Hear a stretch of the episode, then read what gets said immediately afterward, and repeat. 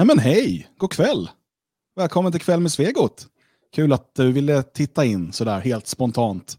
Hade ingen aning om.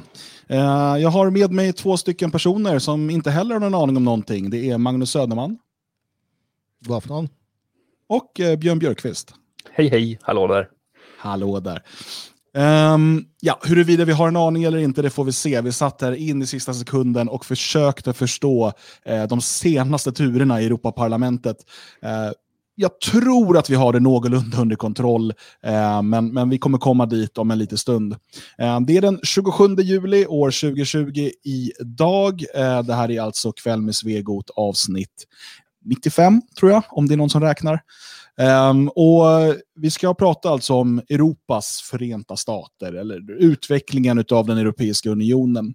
Men innan det så ska vi ta några andra aktuella ämnen och diskutera kring. Men innan det, så Björn, vad har du gjort i helgen? Uh, vad har jag gjort i helgen? Mm. Det här borde man ju förbereda för den här frågan kommer ju varje vecka. det är ett stående inslag. Ja. Vad var det jag hittade på? Jo, jag var i Allingsås var jag. Och ehm, för, jag var, för några veckor sedan så var jag på Gotland och, och tittade på sån här um, museijärnväg. Ett uh, tåg som tuffar fram mellan Dalem och Roma. Uh, men så tuffar det inte så mycket för att de hade plockat in något, något jävla, uh, vad heter det, um, diesellok istället för sådana ånglok som jag ville se. Så att i helgen så begav vi oss till Alingsås och åkte tåg med ånglok gjorde vi. Och sen gled vi runt lite grann i, i Nolhaga som är någon slags park som de har där. Och gick runt och tittade lite grann och, och sådana såna saker. Sen var jag förbi, fast det var inte i helgen, men det var lite innan helgen, så var jag förbi och tittade så att Magnus jobbar som han ska. Så att jag mm, åkte förbi Svenskarnas hus en sväng. Uh, mest för att se att de sköter sig. Lite grann för att stjäla kläder också. Mm.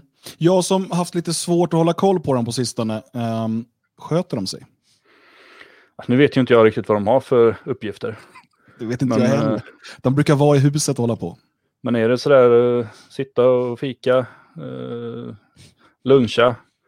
Och så var det någon bräda här och var som hade spikats upp utanför. Som var, några var målade, andra var lite halvmålade.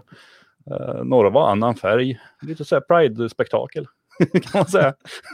nej. Ja, men det låter nej då, som det... He helt enligt uppdraget faktiskt. Ja, nej då, det såg bra ut. De satt och jobbade. Jag, fick, jag hittade inte de två från början. För jag hittade bara en massa människor som höll på och målade en uh, jävligt häftig målning på insidan uh, av huset. Mm. Uh, så frågade jag då, var är Ludvig? För att det var honom jag hade haft kontakt med där. Och de visste inte. Bara, Magnus då? Bara, Nej, de är väl där de brukar vara. Bara, jag vet ju inte vad de brukar vara. Så jag började leta lite här och var i köket. Men eh, då visade det sig att det fanns en övervåning där de satt och jobbade vid sina datorer. Eh, så flitens lampa lyste från taket faktiskt. Mm. De såg också aktiva ut i sitt... Magnus var på att redigera en tidning. Ah, nationalisten kanske? Eller var det någon annan? Gör någon sidojobb som inte vi känner till? Nej, det var nationalisten. Ja, jag tur det. Mm. Jag tar en del uh, uppdrag för herrtidningar. ja. If it makes money, it makes sense. uh, Magnus, um, vad har du gjort i helgen? Mm. Jag har varit i Värmland. Ack Värmland du sköna du. Sen kan jag inte mer till den låten. Det var det landskapsdagar som eh, Ludvig Delin hade snott ihop lite sådär hastigt och lustigt. Uh, I brist på att, uh, så att säga, Mohammed kommer till berget så får ju berget bege sig till Mohammed som det gamla ordspråket säger. Så vi var i Värmland och där var det trevligt. Vä vänta nu, vänta var, nu. Var, förlåt Magnus, ja. Magnus, Magnus, förlåt. Mm. Är det inte tvärtom? Om berget inte kommer mm. till Mohammed så får Mohammed komma till berget, är det inte så? Just det, just det. Ja, bra. Jag vill bara för för. Ja, och är du berget eller är du Mohammed eller är du rent av Moses? Det, är, det här vill jag veta också. Men berätta vidare. Ja.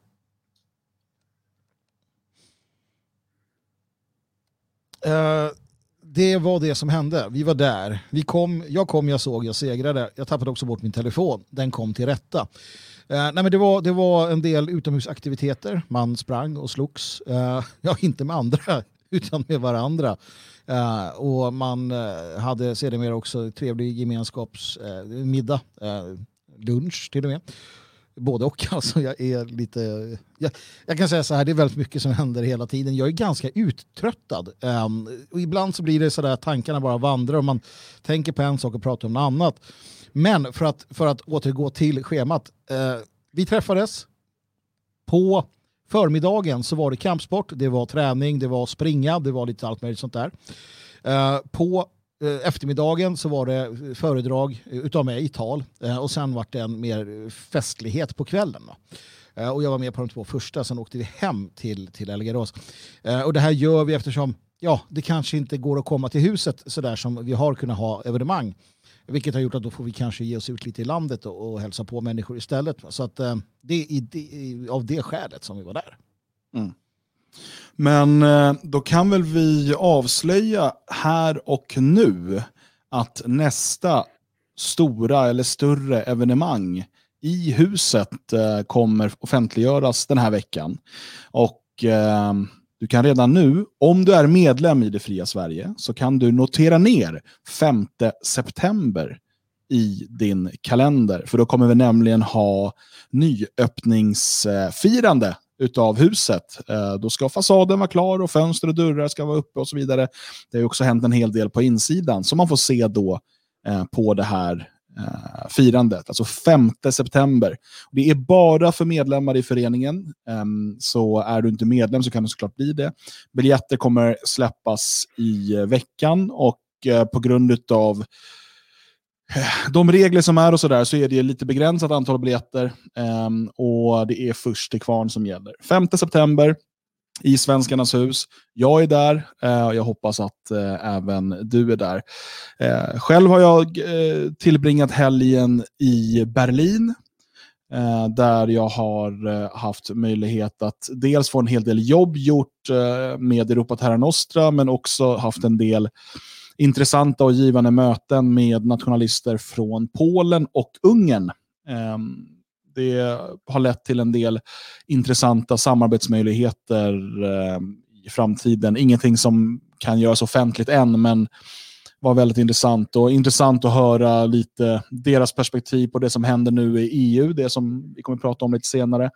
Eh, och alltid intressant och skrämmande att höra eh, central och östeuropeers syn på utvecklingen i Sverige.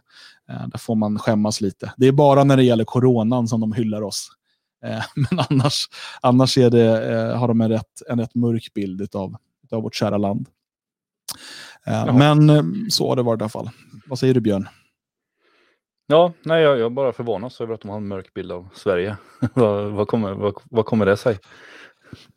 Alltså, det är också när de beskriver vad de läser typ i sina alternativmedier och sådär om Sverige, så känner jag ibland att den bilden är överdriven. Mm. Eh, för att de har ju verkligen en bild av att Sverige är ett land där du kan inte gå ut utan att bli våldtagen. Liksom. Det är liksom, det är, öppnar du dörren, liksom, går ut och foff, kommer det våldtäktsmän och våldtar dig. Det är ungefär så. Alltså, de är, och, och jag, är inte, jag vill inte sitta och försvara Sveriges liksom, våldtäktsproblematik eller sådär. Nej, det är inte så farligt eller så. Men det blir liksom, de, de får ju en ganska, alltså jag vet inte, det, det, låter sjukt när jag säger det, men de får ju såklart en ganska ensidig bild. Eh, de får ju bara höra om de här eh, övergreppen och våldtäktshuvudstaden eh, i världen och allt vad, det nu kallas. Eh, mm. och Så att jag försöker också förklara att det finns liksom olika Sverige. Du har storstäderna eh, och, och visst, det börjar spilla över på landsbygd och mindre städer och sådär. Nu, liksom, sen 2015 har det blivit värre. Men det finns ju fortfarande många delar av Sverige som är väldigt svenska och trevliga. Liksom, även om ja, de blir färre till antalet. Men, men eh, deras bild är ju ungefär att eh, ja, men liksom är det inte ett våldtäktsgäng som drar runt så är det ett Pride-tåg. Det är liksom de två som finns. det är kanske ja, ja, är så långt ifrån verkligheten i och för sig. ja, men det är ändå bra att de här isbjörnsteorierna är borta nu för tiden. I ja. alla fall ett steg framåt får man ju säga. Ja, ja verkligen. Eh, det är Pride-vecka nu förresten Björn. Grattis och hur, vad, vad hände för dig den här veckan? Tackar, tackar. Uh, ja, jag vet faktiskt inte. Det är ju Pridevecka i Stockholm. Jag uh, bor ju på västsidan och vi har ju redan firat uh, Pride i Göteborg. Ja, det är lite som med ortodoxa kyrkan och så att ni har lite annan kalender bara. Ni... Ja, eh, man brukar väl säga att Göteborg ligger eh, ett par, tre hundra år efter Stockholm egentligen. Men i det här fallet så ligger vi faktiskt strax före då. Eller vi passar ju på att fira det istället för nationaldagen så har vi Pride-veckor i tre veckor. Mm. Uh, nu hörde jag väl i och för sig att Borås håller på och flaggar också uh, just den här veckan. Så att de har anslutit sig till Stockholm. Någon slags utbrytning från Göteborgskulten uh, har det visat sig. Men uh, nej, så att i och med att jag inte bor i Stockholm så, så uh, kommer jag väl inte märka någonting alls tror jag. När det pågick i Göteborg så såg jag de här flaggorna precis överallt. Men mm. uh, det är inte så att jag brukar vara ute och fira heller. Jag vet inte om det är någonting, jag, jag märkte det i Berlin nu, jag vet inte om det har varit någon sån där Pride-vecka i Berlin också, men att alla butiker hade en sån här gay-flagga eller sån här Pride-flagga som ett klistermärke på dörren. Liksom. Eh, typ mm. Där man har så här, vi tar Visa, Mastercard och bögar. Liksom. Ja. eh, är det så i Sverige också? Jag har inte tänkt på det. Om det. det är ju ett sätt att betala nu för tiden. um, uh, nej, jag tror inte det är så mycket. En del har ju uh, typ Scandic Hotelkedjorna tror jag har. Uh, men då står det ju någonting också att de är Pride-certifierade eller någonting. Mm. men bara flaggor tror jag inte. Jag rör mig ju inte så jättemycket ute i, samhället. Nej, jag försöker ju undvika det. Liksom. Det är mitt lilla sätt att uh, stå ut. Det är att försöka hålla mig borta. Liksom. Mm. Ja, verkligen. Alltså om man vill se någonting annat, så jag ska passa på att göra reklam för en vän här. Um, som jag tycker, om man liksom vill se lite härliga vyer och sådär, och jag vet att du har sett det här också Björn, så är ju vår, vår vän Thomas Ölund, han är ute och, vandrar och han ska vandra eh, hela Kungsleden. Um, och vad är det, 440 kilometer tror jag, något sånt där. Uh, och han, han lägger upp en film från varje dag. Väldigt snyggt filmat, eh, 15-20 minuter per film där man får följa den här vandringen. Eh, jag tycker helt klart att eh, man bör kolla in det på, på YouTube. Hans kanal heter Vegtamer. Jag vet inte hur jag ska hjälpa till med det här, men eh, V-E-G... Ja, precis. V-E-G-T-A-M-R. Alltså Viktor, Erik, Gustav, Thomas, Adam, Martin, Rickard. Eh, där, har, där man kan följa hans vandring på Kungsleden. Eh, kan kolla det inte skrivas det. i den här lilla eh, texten? Ja, får, där. Det får producenten göra. Där. Eh, fixa det, producent, eh, så att det står vad, vad den heter. Ehm, och ja, men det, det, är väldigt fina. Jag, har du, också, du har också kollat in det här, va, Björn? Jag såg att du hade kommenterat. Ja, jag har sett de två första. Nu har det kommit ett tredje, kanske till och med ett fjärde. Eh, kan det ha gjort. Men jag har sett de två första, sen har jag inte hunnit. Uh, men man blir ju väldigt um, sugen på att ut och gå, helt klart. Mm. Uh, även om jag såg nu att den tredje filmen hette någonting om att han vaknar i, i en vattenpöl. Så han, det, det, kommer väl uh, små bakslag också, men det, det, hör ju till. Ja. ja, men så är det ju. Det är, men är man ute och vandrar så där i tre veckor eller vad det nu tar så det kommer regna någon dag. Jo, i hans fall så gjorde det de första kilometerna redan. Så. Ja. Um, nej, men väldigt, väldigt, väldigt uh, välgjort och, och inspirerande. Uh, så istället för att kolla på någon skräp på SVT så kan man titta på det där. Och kan säkert inspirera en och annan till att ge sig ut och vandra. Om, kanske inte Kungsleden, men det kanske finns någon bra vandringsled där du bor. Uh, det kan vara värt att prova på. Um, ja, vi, nu, idag är det ju Magnus som har lite tekniska problem och därför har han försvunnit här ett tag. Uh, men jag tänker att du... ja, verkligen. Det skulle aldrig hända oss. Nej. Uh, jag tänker att du och jag ska prata om en intervju som, uh, som Expressen har publicerat idag med Sverigedemokraternas jämställdhetspolitiska talesperson. Mm. Att, ens, att de ens har en sån eh, tycker jag är jobbigt. Eh, hon är, heter alltså Ebba Hermansson. Eh, hon är bara 24 år. Ehm, och Det jag direkt eh, reagerade på i den här intervjun är ju att hon skulle väl ha kunnat vara från vilket parti som helst. Hon säger visserligen att hon tycker att föräldrar själva ska få bestämma vem som ska vara hemma med barnen och sådär. Ehm, mm. Men jag, när jag läser det här så undrar jag återigen vart Sverigedemokraterna är på väg. Eh, och så här, det, det, är klart att det kan vara Expressen som vinklar det här fel eller någonting, men jag vet inte. Nu siktar Ebba Hermansson på att SD ska börja integrera jämställdhetsfrågorna i samtliga politikområden. Det har vänstern varit väldigt skickliga på. De har lyckats få in jämställdheten i allt de pratat om, säger hon. Enligt, själv, enligt henne själv har SD lyckats bra med att väva in ett jämställdhetsperspektiv i migrations och kriminalpolitiken, bland annat genom att lyfta fram sexualbrott. Hon pekade även på partiets kritik mot den uppmärksammade gymnasielagen som innebär att ensamkommande flyktingar får stanna i Sverige för att slutföra sin gymnasieutbildning. Nästan alla i den här gruppen är män. Det är märkligt att en feministisk regering driver politik som bara gynnar män. Där finns alla möjligheter att lyfta ett jämställdhetsperspektiv. Var är kvinnorna och flickorna? frågar sig Ebba Hermansson. Jag kanske gjorde till hennes röst lite, men det, textmässigt var det, var det bra. Uh, vad är det som händer, Björn? Ja, jag, jag, tror inte att hon talade med din röst även utan att du förställde den. Eh, så att jag tror vi fattar att, att det var liksom du som läste. Uh, nej, jag vet inte. Jag, jag, jag har funderat. Jag, jag vet inte. Um, någonstans så känns det lite grann som att, att de har hittat ett ord som de tänker att det här ordet ska vi använda. Uh, lite grann som de väldigt länge pratade om integration när de menade assimilation. Att de ville liksom hänga på tåget. Och lite, jag menar, våldtäkter är ju inte någon jämställdhetsfråga. Uh, Ja, men alltså, om man inte då vill göra det jämställt. lika mycket män som kvinnor. Det, det vore jämställt typ. Ja. Ja, det är ju det som blir, och det, det vill de ju inte. Det är ju ingenting de säger, att i rättvisans namn så måste vi nu börja skicka ut Pride-trupper som ska gå ut och skapa rättvisa, utan de vill minska våldtäkterna, men det är ju ingen jämställdhetsfråga, utan det är, det är ju snarare en kriminalpolitisk fråga eller något. Uh, det, det, andra, jag vet inte riktigt hur de vill få ihop det då. Vill de att det ska komma lika många kvinnor som män till Sverige? det blir jättekonstigt. Då måste vi börja åka och hämta eh, liksom en kvinna för varje. Eller ska, mm. ska männen sitta på en förläggning och vänta, får inte lämna in sin ansökan förrän det har kommit en kvinna till.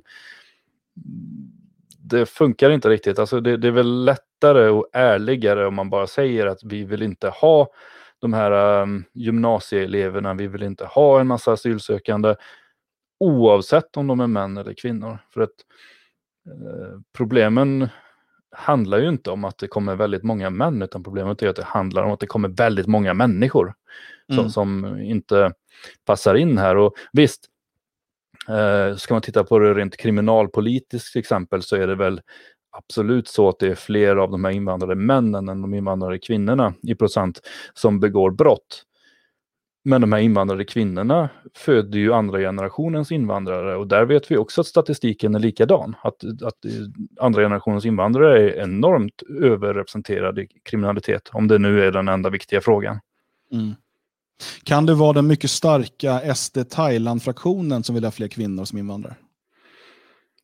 Ja, antingen så är det ju det eller så, så är det eh, Hilda Frick-fraktionen som har kommit på något nytt trix hur man ska kunna förändra Sverigedemokraterna till oigenkännlighet.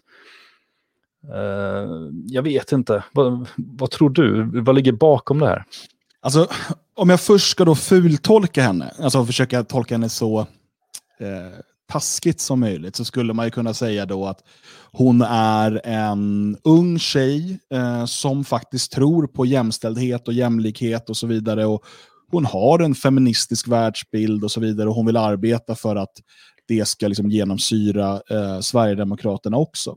Men om jag ska tolka henne så schysst som möjligt och försöka eh, se det på det sättet så ska man också kunna se det, liksom du var inne på, att det här ordet Eh, jämställdhet, det är ett populärt ord, inte minst bland kvinnliga väljare. Och hon säger att hennes mål är att de ska få fler kvinnliga väljare. Um, och att man då försöker omdefiniera begreppet. För att just när de exemplen hon tar upp, det är ju inte det som vänstern talar om när det gäller jämlikhet. Som det här att när det gäller gymnasielagen och så vidare. Så försöker man då använda vänsterns egna begrepp och retorik eh, för att eh, på något sätt lura dem lite i en fälla. Um, mm. och, och, när man då har ett ord som jag skulle tro att om du säger jämställdhet så kommer säkert 90% av svenskarna säga att de, att de ser det som positivt laddat och inte negativt. Um, att, att det är någonting bra, säkert mer än 90%. Uh, och därmed så är det ett ord som man då kan anamma. Det här är ju ganska klassisk uh, uh, liksom, triangulering. Att ta begrepp som är positivt laddade och försöka fylla det med sina egna ehm, liksom, eh, liksom, att, att omforma betydelsen av ordet på något sätt eh, genom att fylla det med sina egna idéer. Och, så att jag tror att det är det hon gör. Alltså jag tror att det, och det som är då när jag försöker tolka henne schysst. Även om det är säkert lite av det andra också. Hon är trots allt en ung tjej och det är förstörd av det här samhället som vi alla andra. Eh, samtidigt så är det ju problematiskt att hela tiden anamma vänsterns eller liberalernas språkbruk. Eh, vi vet att, att liksom språket påverkar hur vi tänker. Eh, våra ordval är viktiga. Och därmed så eh, finns det en risk, och den har vi sett gång på gång, att man eh, apar efter eh, liksom sina politiska motståndare och till slut blir man som dem. Um, det är precis samma sak som, som en käpphäst för mig här när folk som påstår att AFA är riktiga fascister eller, eller sådär. Um, och, och eh, det blir så här, nej, det finns ju faktiskt fascister och fascismen är en politisk realitet och liksom, framförallt liksom en historisk, för 1900-talet väldigt viktig politisk rörelse. Eh, och Det har ingenting med AFA, alltså, det har inte med arbetsmetoder att göra. Vilket man, de, de vill stoppa andra från att prata, så är de fascister. Nej, och så, då är ofta argumentet att oh, det är så folk ser på fascism idag. Ja, det är ju för att vänstern under 50, 70, 90 år nu har arbetat för att göra fascism synonymt med förtryck. Men då är ju frågan, ska vi anpassa oss och använda vänsterns språkbruk bara för att de har gjort en bra, liksom meta, ett bra metapolitiskt arbete?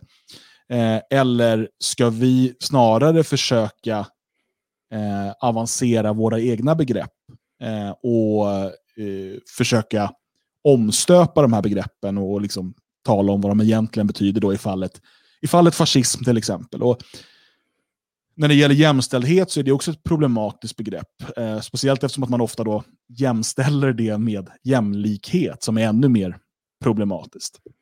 Eh, jag vet inte, ja, hur, hur, tolkar du henne? Alltså är, det, är du schysst, lika schysst som jag eller? Jo, men jag är nog det egentligen. Alltså, jag, jag, jag, tror väl det, men jag ser ett stort problem som du är inne på där och det är att man kan inte ta ett befintligt ord som är så pass väl etablerat och stoppa in hur mycket andra saker som helst i det. Um, det hon verkar mena med jämställdhet är ju typ att man ska vara lite schysst mot kvinnor. Mm. Um, man ska inte våldta, man, man ska Uh, inte importera allt för många främmande män för att det blir en uh, ojämvikt då i antal män och kvinnor och sådana saker. Med, medan det i dagligt tal handlar om eh, lika lön för lika arbete. Det handlar om eh, varannan damernas på riksdagslistor och, och i företagsstyrelser. Eh, den typen av frågor eh, vilket gör att när de börjar ska lägga en massa andra värderingar i det och samtidigt då hamra in att jo, men vi står för det här, vi står för jämställdhet, titta vi har det i alla våra punkter överallt och så står de och förklarar det för unga flickor när de är ute på skolorna och pratar och kanske lyckas värva ett gäng av dem. Då kommer ju de in och har då eh, blivit lärda av representanterna på skolan att det här är ett parti som står för jämställdheten men de har ju fortfarande vänstersynen på vad det innebär, vilket mm. gör att man sakta men säkert då för in en massa nya människor i partiet som egentligen borde ha gått till Feministiskt initiativ. Eh, då blir det ju ett dilemma, för då påverkar sakta men säkert partiet, ungefär så som har skett med Sverigedemokraternas invandringspolitik, där det, där det fanns ganska radikala människor från början som författade program, som Eh, skrev i tidningarna, som var talare, som eh, rekryterade människor, men man försökte vara lite smart och tona ner lite grann och tala om eh, andra saker, till exempel då i fråga om eh, adoptivbarn. Ska, ska man adoptera eller inte? Nej, sa Sverigedemokraterna, naturligtvis av eh, rasliga perspektiv på det. Men man hävdar då att det var synd om de adopterade barnen för att de skulle bli utsatta för mobbning och rasism och utanförskap. Och sen med tiden så upptäckte man väl kanske att konstigt nog, för det är ändå fastställt att det är så, väldigt många adopterade mår väldigt dåligt psykiskt.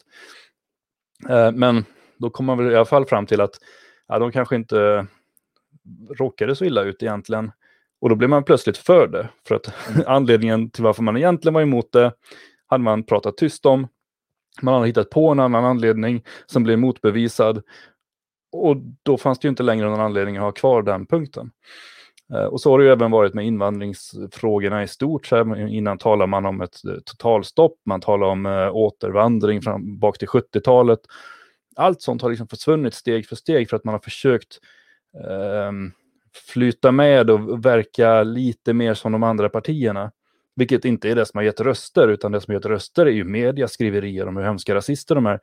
Men de som har engagerat sig och, och kanske velat verka lite hyggliga för sina arbetskompisar eller ha barn i skolan som kan bli trakasserade om pappan är en sverigedemokrat.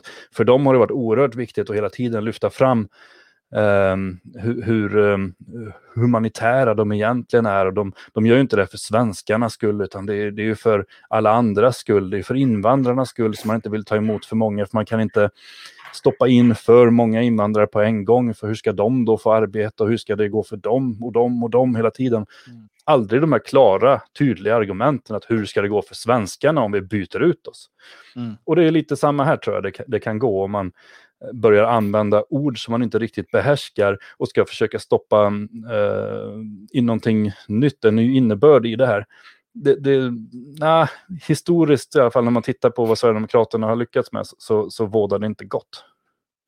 Nej, och jag, för mig signalerar det också att man saknar en um, ideologisk ryggrad någonstans. Alltså, eh, och det vet vi ju att det gör i Sverigedemokraterna. Det, det, det har man bevisat genom årtionden nu. Men, men att man istället för att stå för en idé och, och, och driva på den så, så, försöker man anpassa sig och triangulera och försöka hitta sätt att vinna nya väljargrupper.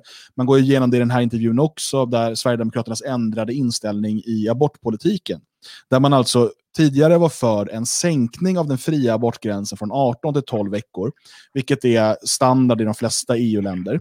Eh, även om fri abort i, i många EU-länder, bland annat i Tyskland där jag befinner mig just nu, eh, fortfarande innebär att du först måste gå och tala med en psykolog och det är flera steg sådär. Men det är fortfarande fri abort och kan inte stoppa dig. Um, men det är till vecka 12. Men i Sverige är det till vecka 18 och vecka, till vecka 24 om du har särskilda skäl, vilket är typ ganska eh, bred definition. Eh, men då har ju Sverigedemokraterna då ändrat att de vill inte ändra abortlagen i Sverige. Istället vill de ha statligt subventionerad sterilisering eh, och statligt subventionerade ehm, vad heter det, eh, preventivmedel för unga under 26. Ehm, det är deras lösning istället. Eh, och eh, Det gör man då, helt, man säger det också öppet, det är för att annars kommer vi inte få tillräckligt med kvinnliga röster. Och då blir det så här, okay, men, tror ni på någonting? Står ni för någonting? Vad är det att vara sverigedemokrat? Eller är ni bara liksom en apparat av politiska karriärister som vill hitta olika sätt att på bästa möjliga sätt sälja en produkt? Vad produkten sen är, det spelar ingen roll. Bara vi säljer så mycket som möjligt. Eh, och, och, och det är precis samma sak här. Så här, ja, men nu ska vi införa jämställdhet. Det ska genomsyra alla våra eh, politiska eh, alla politiska delar. Varför då? Ja, för att vi ska få fler kvinnliga röster. Ja, men inte meningen att ni ska stå för en idé och övertyga fler kvinnor att det här är det rätta. Alltså, det, det, blir ju väldigt konstigt om man hela tiden dansar efter. Okej, okay, vänsterns metapolitiska arbete i 70 år har lett fram till det här. Så nu måste vi göra det, för annars kan inte vi kunna sälja produkt. så att säga. Alltså det, det, det är precis det här man ser. Eh, och, och, Jag tror inte heller att det behöver vara illa menat så här, från, från de här unga, Sverigedem, ja, unga Sverigedemokrat-tjejen här och det. Men alla, man, det är som att man kommer in i det här politiska systemet så blir man precis som de här andra partierna som väldigt sällan verkar stå för någonting. Utan, och, och Sverigedemokraterna allra minst av alla, utan istället så eh, hittar man då olika sätt att triangulera. Magnus, välkommen in i spelet. Tack så mycket, tack så mycket. Jag har en liten halvdålig mikrofon här. Jag tänker att Ludvig eh, får väl anpassa ljudet så att jag hörs ordentligt. Men eh, intressant är Sverigedemokraterna Eh, jag, jag, tänker väl eh, så här. Eh, om, man, om man sår draksådd så är det det man någonstans också kommer få eh, skörda. Och jag menar, bara det att man satte den där eh, Hilda, Hilda flickan från Gotland va, på, på rollen. Hon gammal FIA-avhoppare, eller FIA-are var hon, så hoppade hon till SD och blev äh, jämställdhetspolitisk någonting, någonting i ungdomsförbundet. Det var ju en fingervisning och inte annat. Men Uh, och, och, och, sådär. och det här har vi ju pratat om många gånger, att det är hitåt SD på väg naturligtvis. Jag tycker ändå att det är rätt charmigt av dem, att de, att de säger att Nej, men vi gör det här för att få röster. För att någonstans där så dumskallar man ju ändå i princip alla i det politiska samtalet. Att, att, att de inte ens försöker. Det är så här, ah, nej, men vi vill ha fler kvinnliga röster. Därför, därför hoppar vi på det här tåget, för då får vi det. Och jag menar, någonstans så tycker jag ändå om att de är så pass raka i det, att de inte att de inte försöker säga att oh, men vi har bytt riktning på det sättet. Utan det är mer rakt på att jo, jo visst, men vi vill ha rösterna och då, då gör vi så. Eh, sen är det ju faktiskt så, jag vet, hon säger där någonstans att det har varit politiskt självmord i abortfrågan. Ja, det är klart att det har varit det. Um, det, det, det, är inte, det är inte opportunt att driva den frågan. Um, och är det det man ska ägna sig åt, vara opportun, ja då får man nog ändra sig. Mm.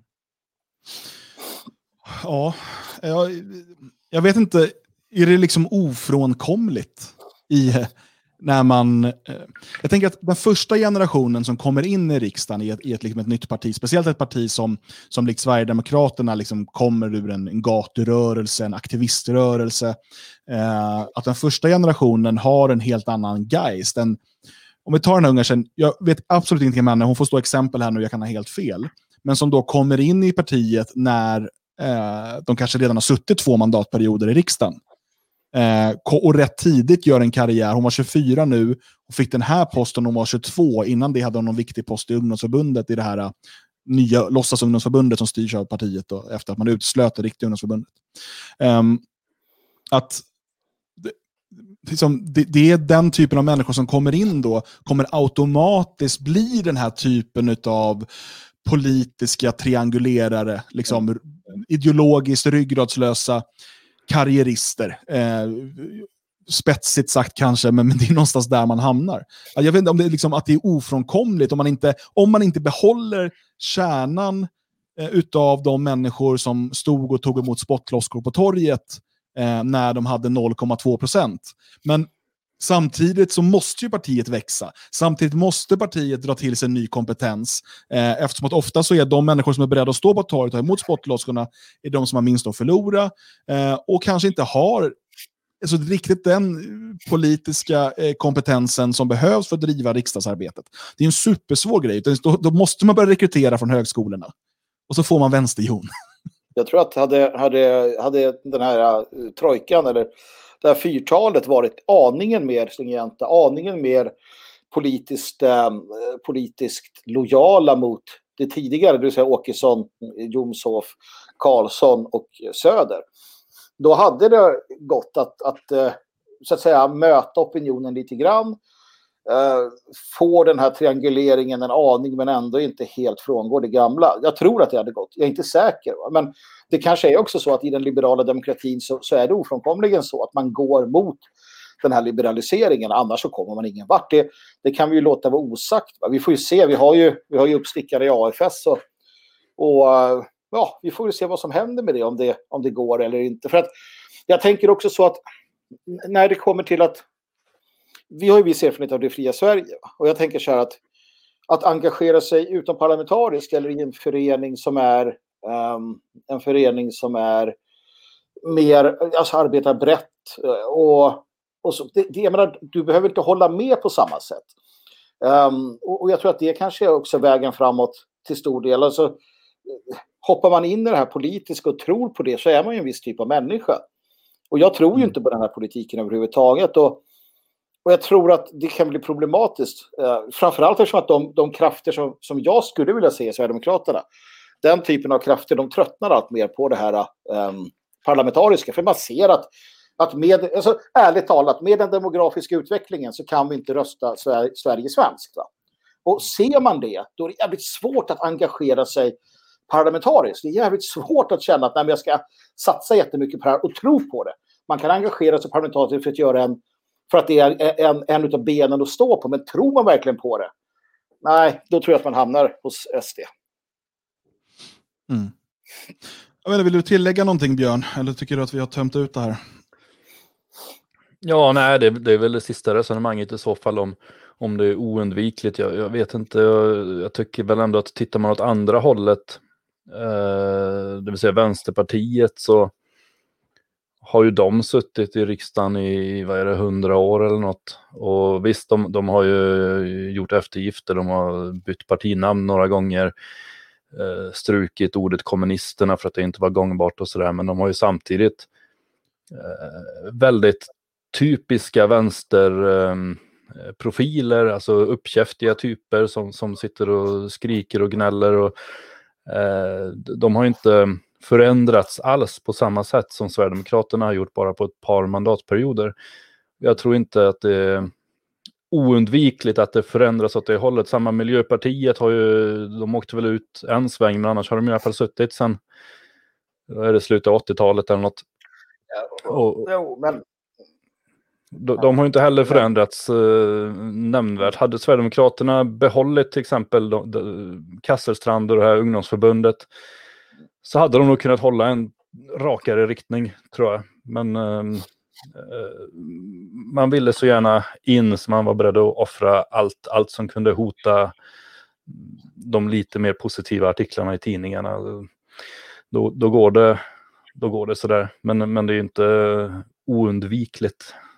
Tror jag. Mm. Ja, ja, nu sitter jag och knorrar här i bakgrunden. Jag ber om ursäkt för det. Men men jag, jag, tänker ändå, alltså, Vänsterpartiet hade gruvtolvan av 1955 sett Vänsterpartiet idag så hade de ju troligtvis spöat upp dem. Uh, det är ett helt annat vänsterparti. Det är ju inte alls det här gamla fina vänsterpartiet som en gång fanns, utan nu är det ju genus och det är rasifiering och det är liksom allt det här. Jag tror inte att det hade gått hem i folklagret. Nej, jag uh, tänker mer på attityder och en Åsikter ja, ja, kan såklart förändras. Men, men, um... Jag tänker samma sak Miljöpartiet där. Uh, jag menar när de grundades så var det ju knätofsar, det var liksom dansa runt uh, till och med vädergudarna. Nu är det ett slipat liksom modernistiskt uh, parti. Och, och, ett annat exempel är ju Centerpartiet. som, som på några år som omformar sig med de här bruttorna från Stockholm i spetsen. Så att de här gamla bönderna på landsbygden kliar sig liksom under armen och undrar vad fan det är som har hänt. Eh, mm. Så det, det, det, det händer i andra partier också. SD däremot, de har ju egentligen inget annat än, eller ursäkta, SAP, eh, Socialdemokraterna, de har ju ingen annan vision än makten. Och då är det inbyggt där, så länge de, så håller, så länge de håller sig lite, lite till höger om moder, äh, vänster om Moderaterna så kan de ju köra på. Mm. Ja, intressant. Ehm, jag, jag, det man kan säga med Vänsterpartiet är ju att de de har ju åtminstone liksom vågat vara lite horn i sidan till sossarna hela tiden. och så där. Men om man lyssnar på avhoppade vänsterpartister, vi tänker på Marcus Allard och liknande, eh, han blev väl i utesluten, men ja, eh, så är de de menar att Vänsterpartiet inte är socialister och de är inga marxister och, de är inga, och så vidare.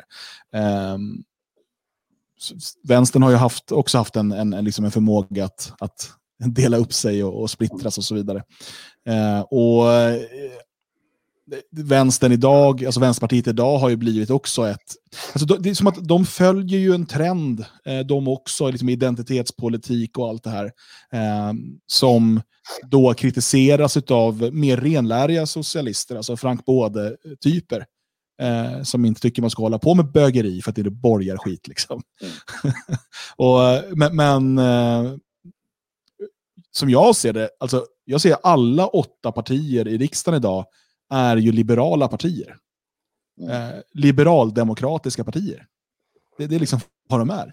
Eh, sen, och det är som en, en stor hydra med liksom åtta olika huvuden. Eh, fyra av dem hade man kunnat kapa utan att det hade märkts någon större skillnad.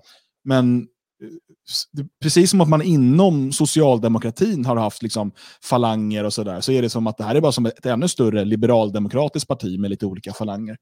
Eh, och, att, och att Sverigedemokraterna när de kom in, så även om vi var kritiska mot Sverigedemokraterna redan då, eh, men, men så var det fortfarande så att de hörde inte alls till den här hydran. De var inte en del av den här liberaldemokratiska geggan. Men de har ju aktivt arbetat för att bli det. Det har, liksom varit, det har nästan varit ställt över allting annat. Det här att få komma in i värmen, slå sig ner vid köttgrytorna och så vidare. Um, och, och, nu börjar det bli väldigt, väldigt svårt att se dem som en, en, liksom en livskraftig opposition mot sjuklöven. Och det är knappt, och ska jag vara ärlig så tror jag knappt att de vill det själva heller, för de vill inte vara det där uh, utsidespartiet. De vill ju bilda regering med Moderaterna och KD. Det, det är, är ju det, det de vill. Det är här de gör ett klassiskt, eh, klassiskt misstag. Um, och det gäller alla de där. För att det är precis som du säger, du har ett gäng eh, liberala demokrater. Sen har du de som är mer vänster och de är i alla fall um, lite mer stringenta eller lite mer radikala. Alltså, man accepterar ju Moderaterna och KD. Men tro mig, skulle, skulle vänstern få eh, bättre siffror, skulle vänstern gå fram kraftigt, då skulle vi få se hur de definitivt kommer, skulle, alltså de skulle ju kväsa Moderaterna och Kristdemokraterna framför allt. Medan, och här, här kommer det till högerns totala misslyckande varenda jävla gång som de ta med fan aldrig lär sig. Och det är att de förlorar. Eh, för att skulle Moderaterna få 99,9 procent så skulle de inte kasta eh, Sjöstedt i fängelse och tvinga, tvinga liksom vänstern att, att lägga ner. De skulle inte käppjaga eh, bolsjevikerna. De skulle inte bete sig mot eh, SAP som SAP har betett sig mot, mot sin egen opposition. Eh, utan de skulle låta det vara. Men om vänstern skulle få 99 procent av rösterna så skulle de eh, definitivt trycka med järnhälen på allt annat. Och nu blir SD en del av detta. Och man pratar, SD pratar själva om att ja, de slår ju högerut så att säga. De, det ska terrorstämplas och det ska liksom på alla sätt och vis. Uh, och, här biter de sig själva arslet. Och det ser vi i USA. Vi ser det utan tvekan i USA idag hur de här republikanerna, de här kraftlösa gamla jävla wasp-gubbarna uh, eh, inte lyckas med någonting annat än att sitta och gnälla i senaten. Um, eller, eller liksom på delstatsnivå som vanligt va, så blir de överkörda. Och det är därför de till sist kommer till Mussolini, kommer till Hitler, kommer till Franco, kommer till, till någon och säger snälla, snälla, snälla, hjälp oss, nu har vi gjort bort oss igen. Mm. Men, men den här gången så ska vi fan kasta dem till vargarna. ja. Uh... Ja, det, fin- det, fanns en, fanns en gammal slogan, uh, den här gången världen, this time the world. Nu är det den här gången vargarna. Ja, man blir ju trött på det när man tittar historisk, de historiska, uh, de historiska liksom, uh, dingarna, alltså, alltså böckerna. Alltså, när vi tittar historiskt, man blir ju mm. less på att det är samma sak. Och de har mage att gnälla på oss. Men det är också inte så konstigt. Det som vi ser idag beror ju på att, att vilka vann 45. Jag sa ärligt talat, de som vann 45 var ju eh, socialister och då, eh, vad ska vi kalla Liberaler. högermänniskor, liberaler. Uh, men de som förlorade var ju också till stor del socialister, det vill säga nationalsocialister, fascisterna. Jag menar, Mussolini var ju gammal, gammal eh, liksom, agitator, eh, socialist och så vidare. Så att till del var det de som förlorade också. De konservativa, ja, de var egentligen inte ens in, de hade inte ens hästar i loppet på, på så sätt, om man nu vill hårdra det. Va? Men lik förbannat... Nej, det, det, är för att, att, att vara konservativ, eh, alltså konservativa, de tycker bara som makten gjorde för tio år sedan. Det spelar ingen roll vad makten är. Den kan vara nationalsocialistisk eller liberal eller vad som helst. Bara för tio år sedan var allt bra. Ja. Det, är, det är så jävla tröttsamt. Och det syns i KD, eh, eller KDU, som är så rädda. Oh, det här med AFS, att, att de förbjöd sina medlemmar att, att interagera med AFS-ungdomar. Liksom. Eh, Eh, jag tänkte att vi ska hinna ett ämne till innan pausen och innan vi går över på huvudämnet om EU och eh, utvecklingen där. Eh, och Det här gäller polisen. Det har ju varit ett, ett eh, stort ämne eh, de senaste månaderna med, med anledning av Black Lives Matter-upploppen eh, runt om i västvärlden.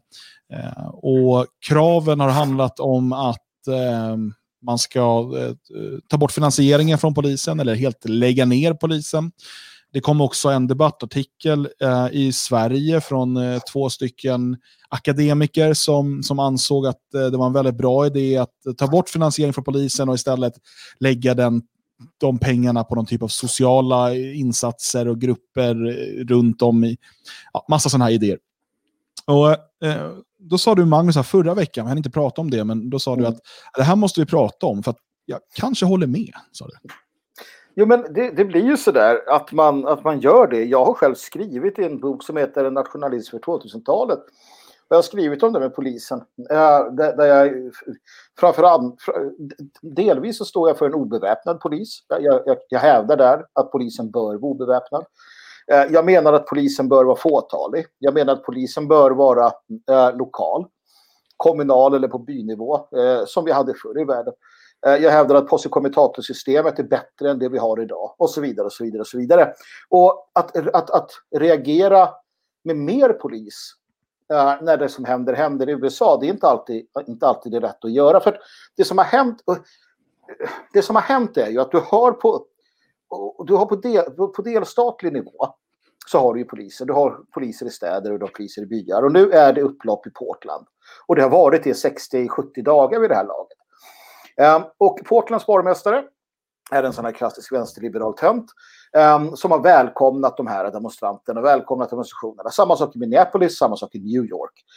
Och det vi ser i de här städerna, naturligtvis, det är att uh, det här antipolissnacket funkar. Mord, uh, Eh, brott eh, skyhögt i New York numera.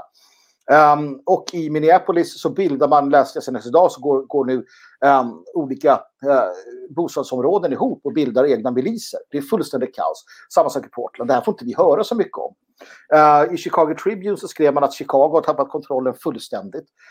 Um, och, och, den lokala polisen så att säga, den har ingen som helst uppbackning längre.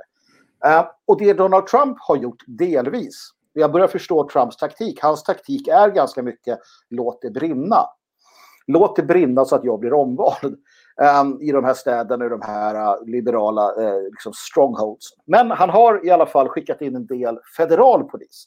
Och, och, och det här är där det blir knivigt. Va? För det gjorde man till exempel när man riktade in sig på Waco i, uh, i Texas. övergreppen där mot den kristna, förvisso sekten och ganska galna sådana, men lika, lika fullt ett, ett, ett övergrepp mot Montana Freeman, en milisgrupp för, för 10, 15, 20 år sedan. Mot familjen Weaver, mot familjen eh, eh, Singer, mot familjen Karl och så vidare. Alltså det man gjorde då var att man skickade in federal polis på lokal nivå. Vi hade ett liknande vid eh, Ammon Bundy eh, och pappa Bundy vid eh, när de bråkade om det, vart kossorna skulle få beta för några år sedan och så vidare.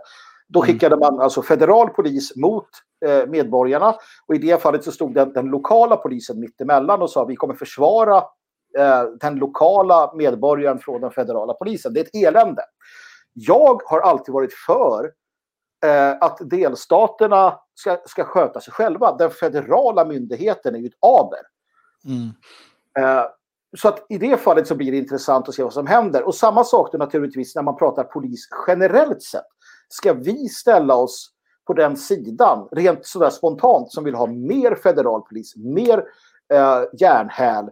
Eller är det en bra idé att polisen monteras ner? Det är ju där man hamnar, va? och det, det är inte helt enkelt. Björn, är det enkelt?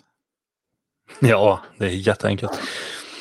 Uh, nej, uh, när det kommer till USA så får jag hålla med om att det är ju väldigt rörigt uh, med, med, alla olika instanser som finns. Jag vet att man sitter och kollar någon gång ibland på någon amerikansk serie och ska liksom CIA och FBI ska alltid hålla på och bråka med varandra. Och det är så här jätterörigt. I Sverige är det ju enklare på så sätt. Um, men för att ge Magnus lite rätt i alla fall så jag menar, det vi vill ha är ju inte en polisstat. Vi, vi vill ju inte ha poliser i vartenda hörn och vi vill inte ha eh, total övervakning av så fort man rör sig utanför dörren. Utan det, det är ju någonting som eh, eh eftersträvas av eh, betydligt högre krafter. Eh, det här storebrorssamhället är ju någonting som Eh, ja, vi, vi alla tre har motsatt oss många gånger. Eh, så naturligtvis, men sen är det ju klart att någon form av polis behöver vi. De här idéerna om att eh, om polisen bara låter bli att åka in i invandrarområdena så kommer det inte begås några brott. Det är ju rent nonsens. Det är inte polisen som skapar kriminalitet i invandrarförorterna utan det är invandrarna och ja, för åklagarens skull, inte alla invandrare och många invandrare som bor och tycker det är jobbigt och tråkigt. Men det är ett eh, problem direkt kopplat till invandringen. Förr i tiden så hade vi färre poliser och mindre, alltså färre kriminella, mindre kriminalitet. Och eh, det, det, är ju dit någonstans man vill eftersträva. Men att just när det brinner som mest tycker det är en bra idé att dra ner på brandmän tror jag väl inte riktigt håller, utan först måste vi lösa de här problemen vi har just nu och det är massinvandringen, det är att vi inte har skickat tillbaka den här jävla pöbeln som springer runt i det här landet. Sen kan vi börja fundera på att dra ner på polisen, eh, absolut, för att vi kommer inte Så, behöva dem. Saken är ju den att det som kommer hända är att polisen blir starkare, mer militariserad, eh, ju längre tiden går.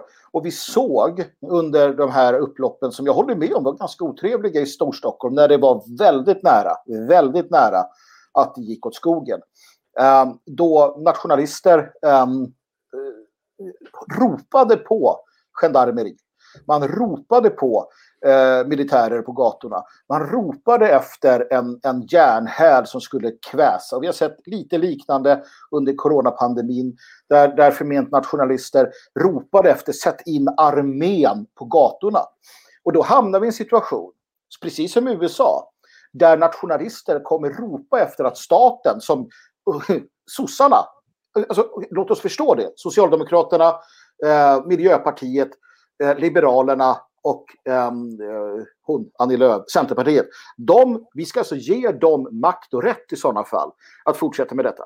Eh, alternativt då, eh, eh, Sverigedemokrater och Moderater. För det är vad som kommer hända.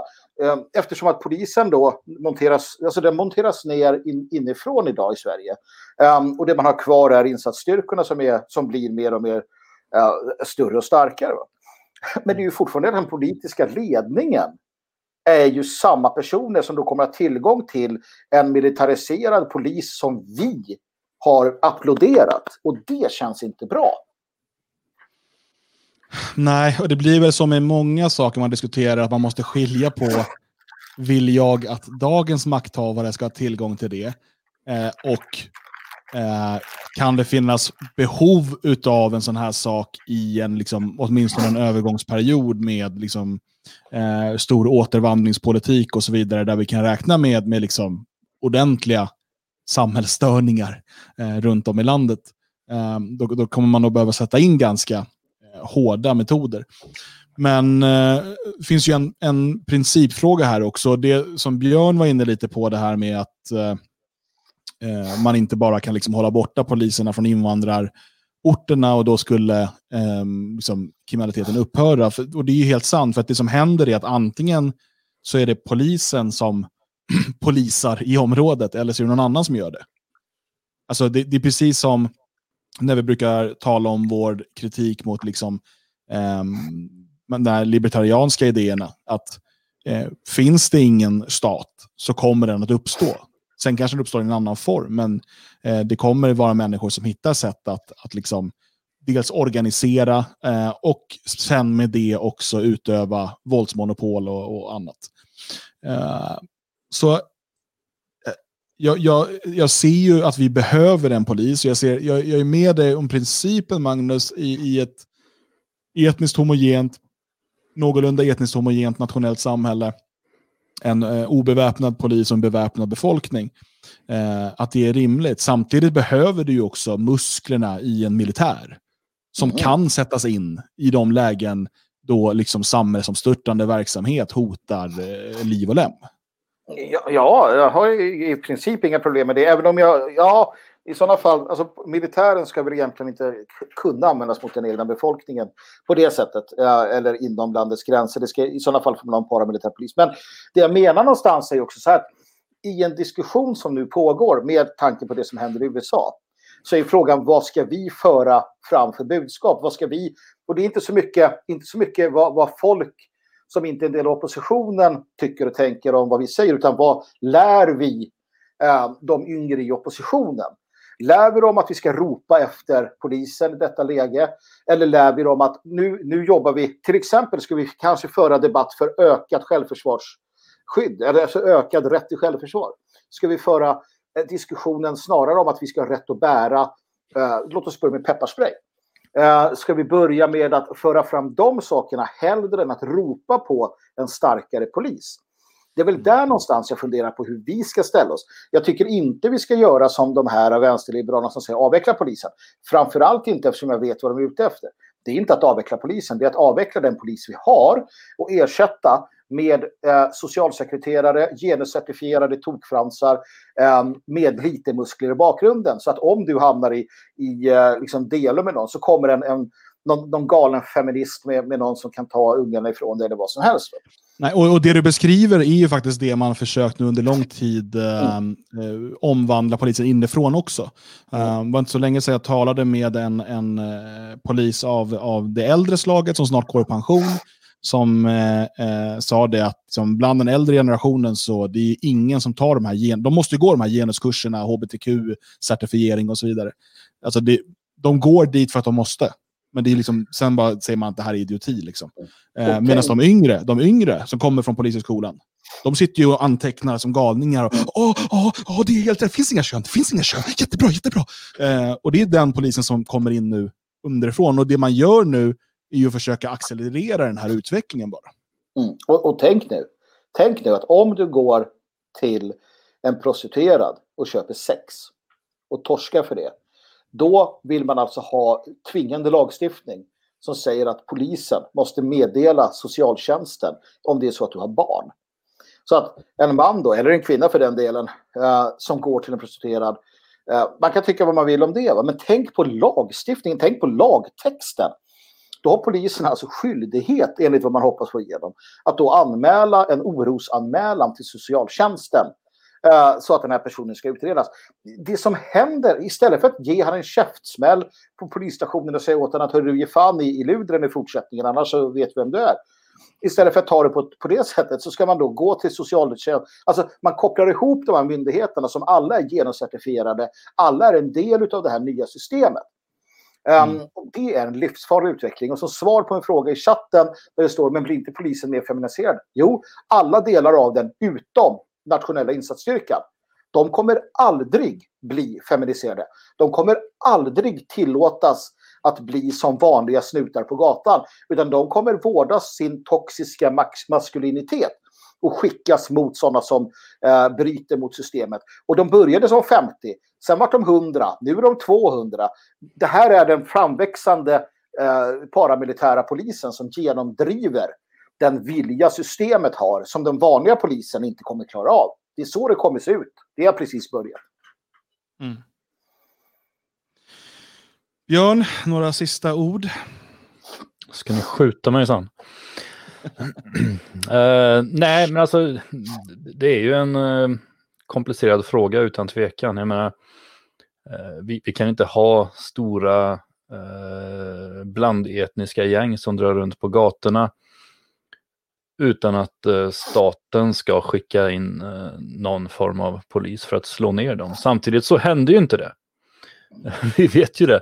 Polisen springer runt och jagar tanter som skriver att de tycker det är för jävligt att det drar runt blandetniska gäng på gatorna. Eh, det är ju dit man riktar resurserna medan de här gängen fortsätter dra runt. Vi ser hur våldtäkter, liksom, det läggs ner eh, fall efter fall för att man inte har tid eller ork eller lust att engagera sig. Man eh, åker inte alltid ens ut i de här gettorna när det eh, begår, begås uppenbara brott därför att man är underbemannade, utan man drar hellre runt någonstans där det är lite lugnare, mer svenskar som man kan trakassera och jävlas med.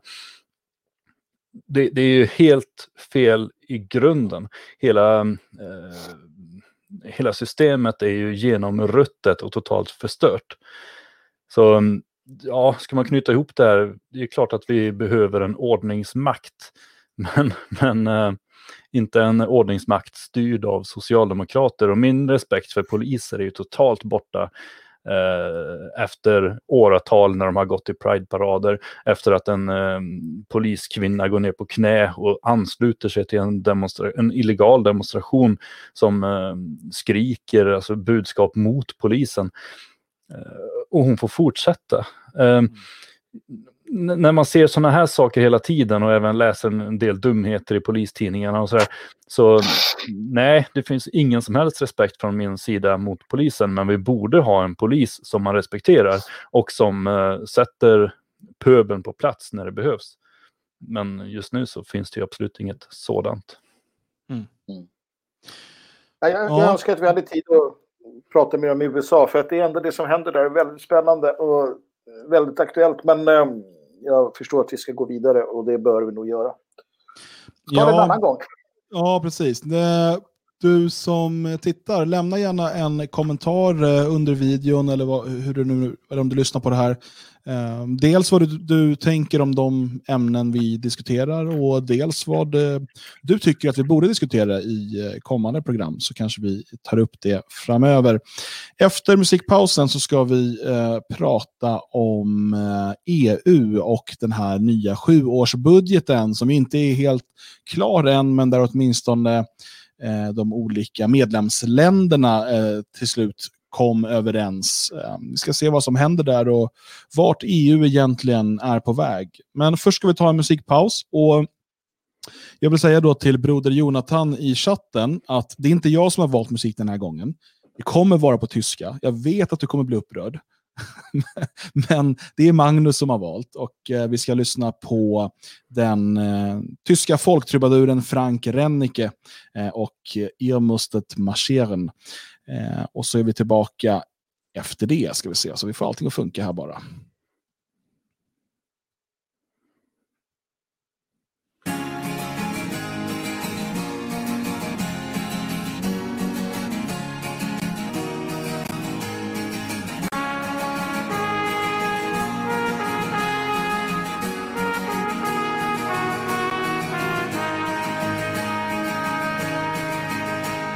Ihr trug den Tornister, auch Affen genannt, das Gewehr und den Stahlhelm durch Sumpf und Sand. Ob Regen, ob Sonne, ihr wart stets bereit, junge Soldaten im feldgrauen Kleid. Ihr musstet marschieren und jahrelang wandern nach Polen und Frankreich, Russland und Flandern marschieren und kämpfen und immer bereit, still zu verbluten im feldgrauen Kleid.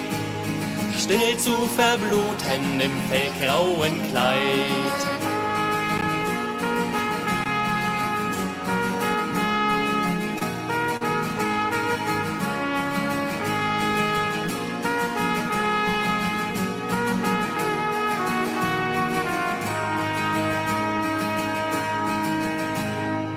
Feldzug vor Marschove Helch ein Wort, es trug euch weit von der Heimat fort, in Ländern, die ihr nur aus Büchern gekannt.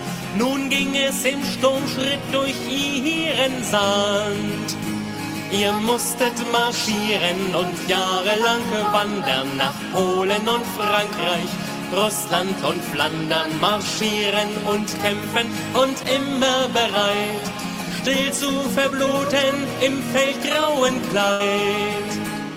Still zu verbluten im feldgrauen Kleid.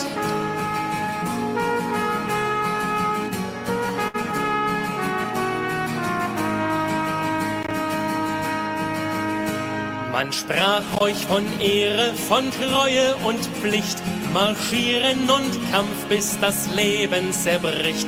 Man sprach auch viel von des Vaterlands Dank, wenn am Ende des Kriegs ihr zerschossen und krank. Ihr musstet marschieren und jahrelang wandern nach Polen und Frankreich, Russland und Flandern marschieren und kämpfen und immer bereit, still zu verbluten im feldgrauen Kleid. Still zu verbluten im feldgrauen Kleid.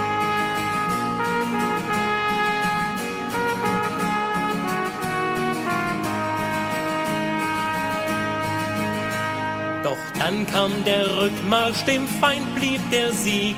Das Schicksal ist launisch in so einem Krieg. Am Ende galt Humanität einen Dreck.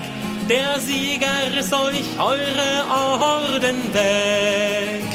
Ihr musstet marschieren und jahrelang wandern nach Polen und Frankreich, Russland und Flandern, marschieren und kämpfen und immer bereit, zu verbluten im feldgrauen Kleid.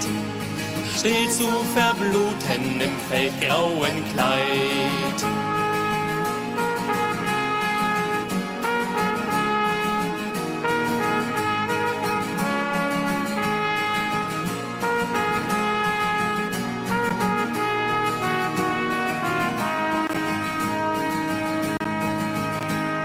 Ihr wurdet Barbaren und Mörder genannt, von Siegern bespien, verhöhnt und verdammt. Man trieb euch wehrlos zusammen wie Vieh, und viele sie starben, vergesst es nie.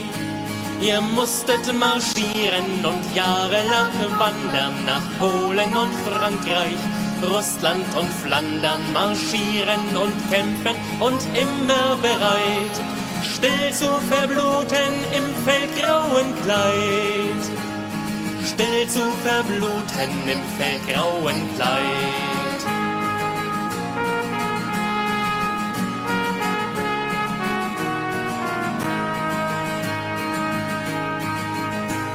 Man schrie, eure Taten, sie waren Verbrechen, doch wird die Geschichte einst anders sprechen. Im Ostwind singt leis eine Melodie von dir, ruhmreiche deutsche Infanterie.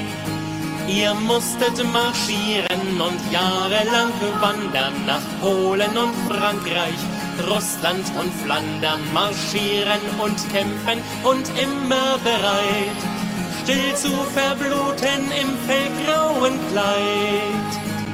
Still zu verbluten im feldgrauen Kleid.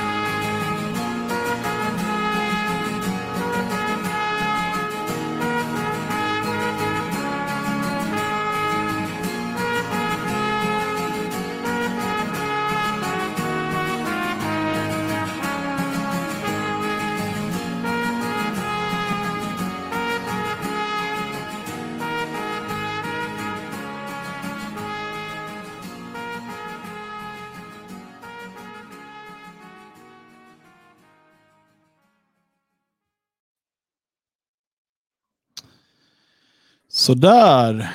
Eh, Magnus har stängt av sin kamera och istället så han har blivit, han har blivit en, en, en Vasakärve.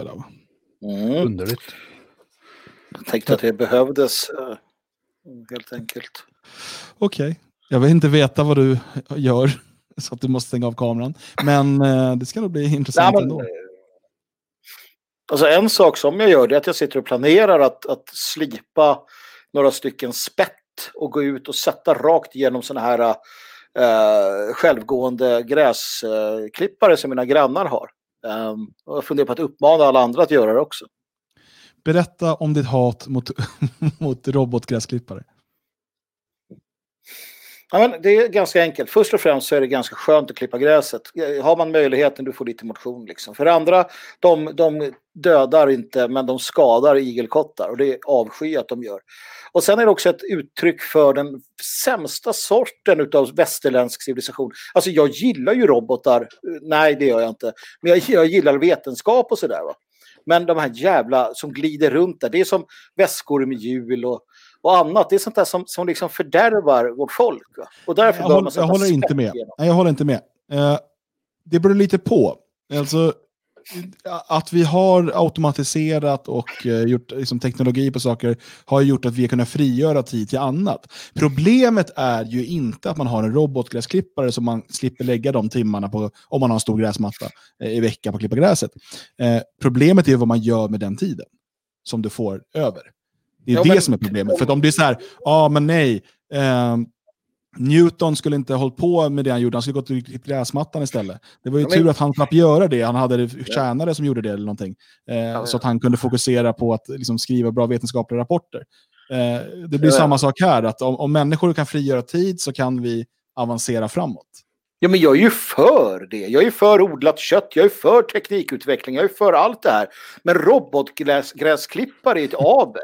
Alltså det är just den jag hatar. Och, och framförallt då robotgräsklippare som, eh, som, som dödar eller skadar, eh, skadar små söta sådana här djur. Va? Eh, och sen mm. är de dumma också, för de, åker, liksom, de gör inte ett bra jobb. Va? Men i övrigt så, du vet jag såg en automatiserad sån här, en robot som hjälper att odla. Du, du såg ju den dagen, den åkte runt på skenor i trädgården och odlade mm. åt och mm. hjälpte till. Fantastisk grej!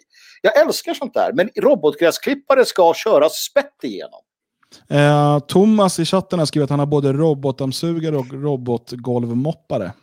Mm, det kommer spett på dem också. Det ska vi se till. Förr eller senare så. Ja. Men nu ska vi inte prata mer om saker du hatar, utan sånt du älskar, nämligen den Europeiska ja. unionen. Ja. Den underbara. um, vi har väl alla eh, varit ganska tydliga med att vi inte är några större anhängare av den nuvarande Europeiska unionen. Eh, däremot är vi starka anhängare av ett europeiskt samarbete eh, på, på massa olika plan egentligen. Eh, men den Europeiska unionen eh, har ju från början sålts in som en sak eh, och eh, steg för steg utvecklas till en helt annan. Det är inget som kommer som någon överraskning för oss Eh, och de nationalister som var aktiva i Nej till EU och sådär, eh, de varnade just för den utveckling vi har sett med Lissabonfördraget till exempel. Eller hur man 2010 skrev in Sveriges EU-medlemskap i den svenska grundlagen. Eh, det har ju hänt massa sådana här saker på, på vägen som har förändrat det. Och det senaste nu är ju den här sjuårsbudgeten. Eh, man har pratat om coronaräddningspaketet och så vidare. Eh, och för att den stora frågan, tycker jag, och som många missar i den här, det, det är ju inte egentligen att Sverige kommer få en högre avgift. Det är heller inte egentligen att Sverige eh, ska eh, betala in massa pengar eh, eller ta lån via vi kommer komma till hur det funkar. Men alltså, att Sverige då ska så att säga bli nettobetalare medan andra länder blir nettobidragstagare från de här så kallade coronapengarna. Eh, det är egentligen inte de stora problemen. Ehm, EU har alltid varit liksom en ekonomisk idioti för Sverige eh, på, på väldigt många sätt. Eh, däremot, det man gör eh, nu, om man får igenom det som man har eh, kommit överens om eh, ministrarna emellan, Eh, det är ju att man bakvägen ger EU beskattningsrätt. Eh, man gör det här genom att till exempel då de här 750 miljarder euro som ska då inom coronastöd. Eh, det ska bland annat då betalas tillbaka genom en plastskatt. Har vi hört den för? En plastskatt på EU-nivå utöver Sveriges liksom, plastpåseskatt som vi redan har såklart. Så plastpåsen kostar väl 11 kronor om ett tag. Um, och eh, det ger egentligen EU rätt att beskatta lite hur man vill. Eh, till en början då för att få tillbaka de här, de här pengarna som EU lånar gemensamt. Det, det är också helt absurt i sig.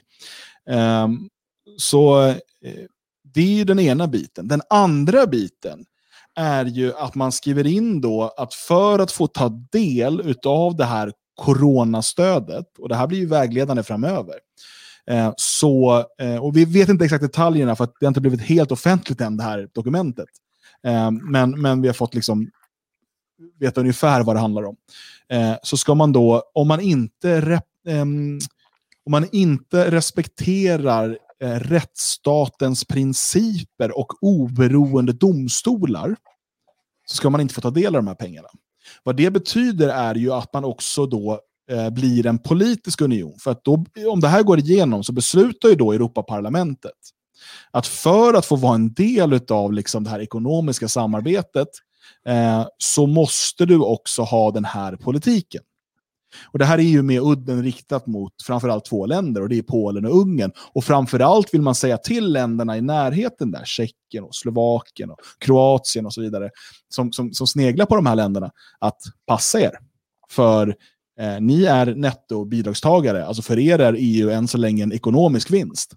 Men går ni åt samma håll som Ungern och Polen, då kommer ni inte få några pengar längre. Eh, och, och, och, då kommer det bli jobbigt för er. Eh, så att det man gör här, om man nu får igenom det här som ministrarna kom överens om, det är inte bara att man skuldsätter svenskar och andra europeer för generationer framöver. Inte bara det, utan man går också ett stort steg från en union till en federation. Det här är absolut inte det första steget i den riktningen, men det är ett sju kliv åt det hållet. Så jag lämnar eh, ordet fritt här till mina två eh, medpratare, vem som vill ge sina fem cent om den här utvecklingen. Jag kan hugga direkt. F fem eurocent vill jag vara noga med. Uh, nej men, jag säger så här. Uh, bra jobbat EU. Det, det, här såg vi komma men många har verkligen inte ha, ha sett det eller brytt sig. Uh, men, men det är klart, när det händer en katastrof då är, man, då är man snabb på plats för att göra det här. Man har ju utnyttjat corona naturligtvis. Um, och det har vi sagt innan corona att, att, att de här systemen de, de drar fram, de, de skapar så att säga eller bestämmer strategier. För de vet att det kommer det ena eller det andra. Det kommer komma kanske ett inbördeskrig eller det kommer ett upprop eh, där prekariatet reser sig eller så kommer en pandemi. Och då är man klar på att lansera det som behöver lanseras. Det är så det fungerar. Nej, man, man planterar inte um, virus och man, man, man, liksom gör inte, man väntar på att det ska hända snarare i alla fall. Det är min uppfattning. Um, sen känner jag igen det här. Jag känner igen det här från uh, kreditkortsföretagen, den här bankpyramiden vi har pratat om inom internetvärlden. För att EU kan ju säga att ja, men alla får vara med i unionen. Alla får tycka och tänka vad de vill. Men ska ni ha pengarna? Ja, ni vill ha pengarna. Ja, ja, ja. men då måste ni göra så här. Um, och, då kan, och så kan de säga att ja, men, annars kan ju de andra dra... Ni, ja, ni får vara som ni vill, men ni får inga pengar. Um, och det är det det handlar om. Eh, det handlar mer om att ge sig på Orbán och Polen och hindra andra från att bli som sådana äh, än vad det är något annat. Men jag tror att man kan ha bitit sig i arslet den här gången. Jag tror att det, det, det, här kan, det här kan... Alltså EU finns inte. Alltså EU, har såna, alltså EU är, det är en, en, en sån här polerfötter. Alltså de, det kan vara som i de här gamla rikena, ni vet. Det har, EU har fallit. Det är bara att de inte vet det. Och det kan mm. falla snabbt. Mm. Ja, alltså en anledning till att, eh, för Italien blir de största, Italien och Spanien tror jag blir de största eh, bidragsmottagarna då, utav det här så kallade coronastödet. Eh, och det är också de två länder där EU-kritiken har vuxit som starkast de senaste åren. Det är ju en typ av muta. Eh, mm. För nu kan då eh, Italiens eh, premiärminister komma hem och säga kolla, vi ska få 240 miljarder euro. Miljarder euro. Eh, det är jättebra. Om vi går ur EU, då kommer vi, då kommer vi ha 240 miljarder mindre. Ja, något, något i, den formen av logik. Jag, jag vet inte. Eh, Björn, vad tänker du? Ja, nej, jag vet inte vad man ska tänka riktigt för att det är väldigt rörigt allting. Men att, att de har varit på väg hit länge, det, det är ju ingen tvekan. Um, planen, jag menar, lyssnar man på Eh, liberaler och så, alltså, de, de, har ju alltid drömt om eh, en, eh, ett, ett, EU som ska vara ungefär som eh, USA. Det är ju förebilden. Och nu närmar man sig ju dit med raska steg.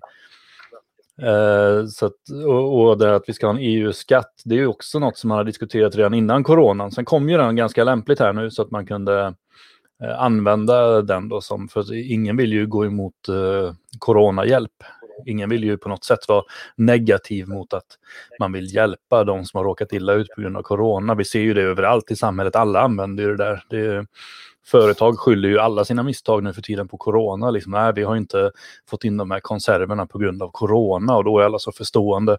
Fast egentligen bara handlar om ett värdelöst företag som inte klarar av... Jag råkar ut för det där. jag får se det. det kändes personligt ja. ja. Men det är ju, eh, alla använder ju corona på olika sätt och naturligtvis gör man även det i EU-toppen. Och då man, man, vill marschera framåt och mm, man, man, knyter ju fast oss mer och mer till eh, hela EUs ekonomi, vilket vi ju redan har röstat om faktiskt. Vi röstade ner till eh, EMU, vi skulle inte ha euron. Och ändå så binder man ihop oss nu. Vi ska skatta till EU, vi ska ta emot stöd därifrån, vilket fast vi har röstat emot att vara en del av det här så blir vi nu en del av det, eh, vare sig vi vill eller inte. Och det är ju bara en tidsfråga innan man kommer eh, gå steget ut och ansluta oss ändå. Vare sig, mm. Då kan man ju bara säga att det är så länge sedan vi röstade och nu är det annorlunda och så hoppar man över folkomröstningen. Eller så gör man en ny, men det tror jag nästan inte, utan man kommer bara byta ut plötsligt. Vi har redan röstat om att vi ska vara med och alternativet är att vi inte kan vara med. Och då får vi byta eh, ekonomiskt system helt enkelt. Jag får bara säga det, det, finns ju, det där är ju redan klarlagt i EU att alla länder måste bli eh, med i euron. Jag tror det är 2025 eller så här. Alltså, det där har man pratat väldigt lite om i Sverige, men eh, det, det, är ju tvingande. Det är en del av något av de här senaste fördragen. Om det var, jag vet inte om det var Lissabon eller något av de senare. Eh, så att eh, jag vet bara inte hur Sverige ska lösa det. Eh, men, men, det blir väl som du säger, att man bara, nej men, ah, och nu har vi ändå precis de sedlarna och de ser likadana ut som euron. Så det blir inte så svårt det här. Det är ju där man ska komma ihåg vad eh, Roosevelt, inte Ted utan den andra, eh, sa. Ingenting i politiken händer utan att det är tänkt att det ska hända så. Mm. Um, och, och, de är långsiktiga. Och, återigen, man får, man får säga hatten av till dem för att någonstans visste de vart de var på väg hela tiden. Sen har det inte alltid gått som de har velat och jag tror att Brexit var ett jätteproblem. Och det är därför man drabbas av lite panik nu för att man vill ju inte ge, alltså ingen annan ska ju få den här idén. Det kommer man lösa på ett enkelt sätt. Ställ inte frågan, tillåt inte folkomröstningar. Och, och det var ju snabbt efter EU-omröstningen, Brexit-omröstningen, som experter sa det att det var odemokratiskt att låta människor rösta om det här. Och, så.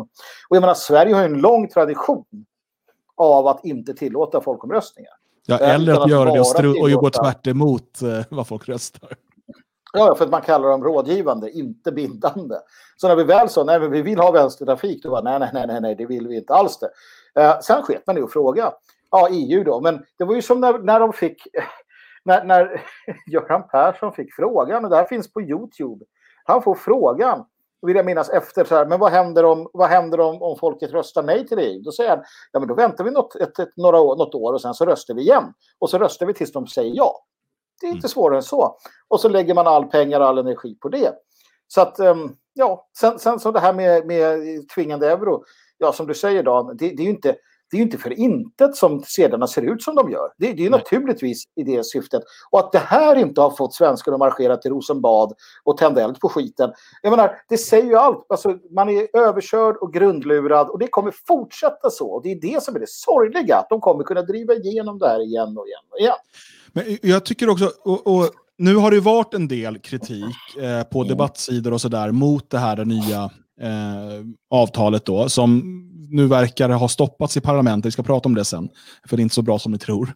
Eh, men eh, jag ser också diskussioner om att gud vad dålig Löfven är på att förhandla, för han tyckte att allt skulle vara lån och inte bidrag. Och mm. Sen gick han med på att det var hälften, eller något i den stilen. Men saken är att det var Löfven som var, hade krav på att det skulle bli en hårdare politisk union. Löfven ja. var en av de som drev på, alltså Sverige var drivande bakom att vi skulle få in eh, krav på eh, respekt, alltså mot Ungern och Polen. Sverige var liksom drivande part i det. Det var en del av Sveriges krav. Mm. Eh, och det var det viktiga. Ni, ni, ska inte tro att det viktiga för Löfven var huruvida det lånades eller, eller bara betalades bidrag. Det viktiga det var att flytta fram sina maktpositioner.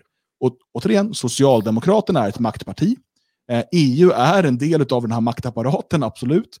Och genom att avancera EUs makt så får också socialdemokratin mer makt och man kan slå mot uppstickarna i Ungern och Polen som försöker visa att vi kan leva på ett annat sätt. Det går inte bara bra, det går till och med bättre. För det är det vi ser från de här länderna nu, hur snabbt de avancerar framåt, hur man lyckas vända födelsetal, hur man får ner psykisk ohälsa. Allt det här går så himla bra i de här länderna. Det som västerländska liberaldemokratier inte klarar av. Och därför är Stöf, Stefan Löfven med och driver på hårdare krav eh, på att bli en politisk union. Stefan Löfven gjorde en utmärkt förhandling. Stefan Löfven var vinnare. Men vi sitter alla och är lurade och tror att det handlar om pengar. De här eh, 750 miljarderna varav Sverige ska betala, vi vet inte exakt hur mycket det är, massa miljarder. Det kommer knappt märkas för den vanliga svenska arbetaren eller medelklassen. Det är inte det som är det viktiga.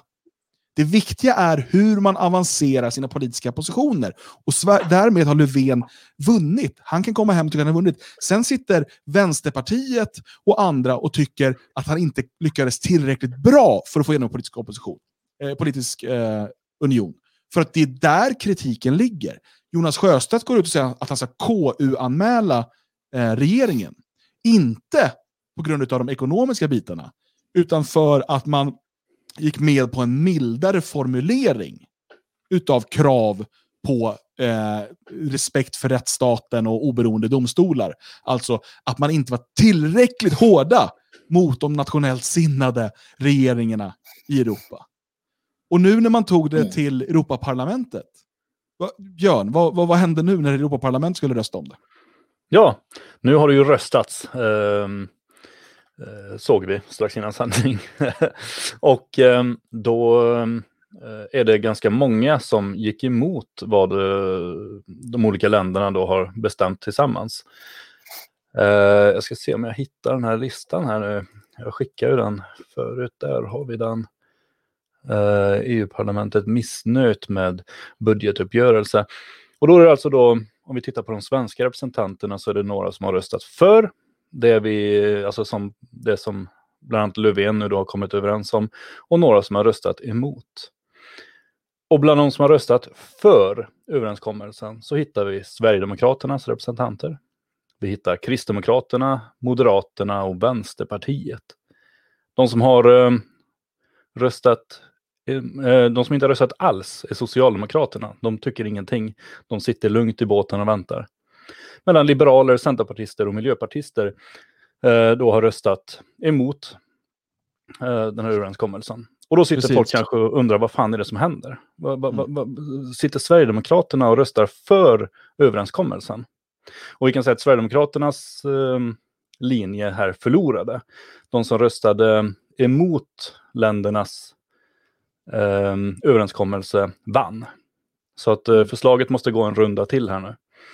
Men det var inte så att de röstade för förslaget egentligen, utan Sverigedemokraterna röstade emot en eh, förändring av förslaget. Det här är väldigt rörigt. Mm. Eh, men det kom ett nytt förslag nämligen, som då bland annat eh, Fredrik Federley röstade för. Och det var att det skulle vara ännu hårdare regler för eh, eh, EU-länderna, till exempel, eller framförallt då Polen, Ungern. Eh, att de, det måste vara striktare, tydligare regler för vad de får lov att göra och inte får lov att göra. Och dessutom så ville man eh, ha mer EU-skatt. Det var det som eh, var alternativet. Nuvarande linjen eller ännu värre. Och då röstade Sverigedemokraterna och Kristdemokraterna och Moderaterna och Vänsterpartiet då alltså för den väldigt, det väldigt dåliga förslaget. Därför att alternativet var ännu, ännu värre. Men det ännu, ännu värre vann. Så det måste gå en runda till, förhandlas ytterligare, diskuteras vidare och vi kommer antagligen sluta någonstans där det alltså blir en, ehm, ett nytt förslag eh, som om det ska röstas igenom så blir det alltså högre EU-skatter. Man nöjer sig inte ens alltså med att smyga in det utan det ska vara stenhårt redan från början. Vi ska betala mer gemensamt till, direkt till EU. Inte som idag där vi betalar till staten och staten betalar vidare utan det ska betalas en EU-skatt. Och dessutom så ska inga länder få lov att gå och göra vad de vill, vad de har lust med. Utan det ska vara stenhårt även där. Och antagligen så kommer det här så småningom användas även emot Sverige där man kommer säga att ansluter inte ni er till eh, den gemensamma valutan, eh, men då får inte ni några pengar fast ni är med och betalar mest. Eller snuset eller vad som helst. Man kommer gå på varenda punkt så småningom när man har fått in det här i, i, i eh, regelverket. Så det är där landet ligger just nu. Ja.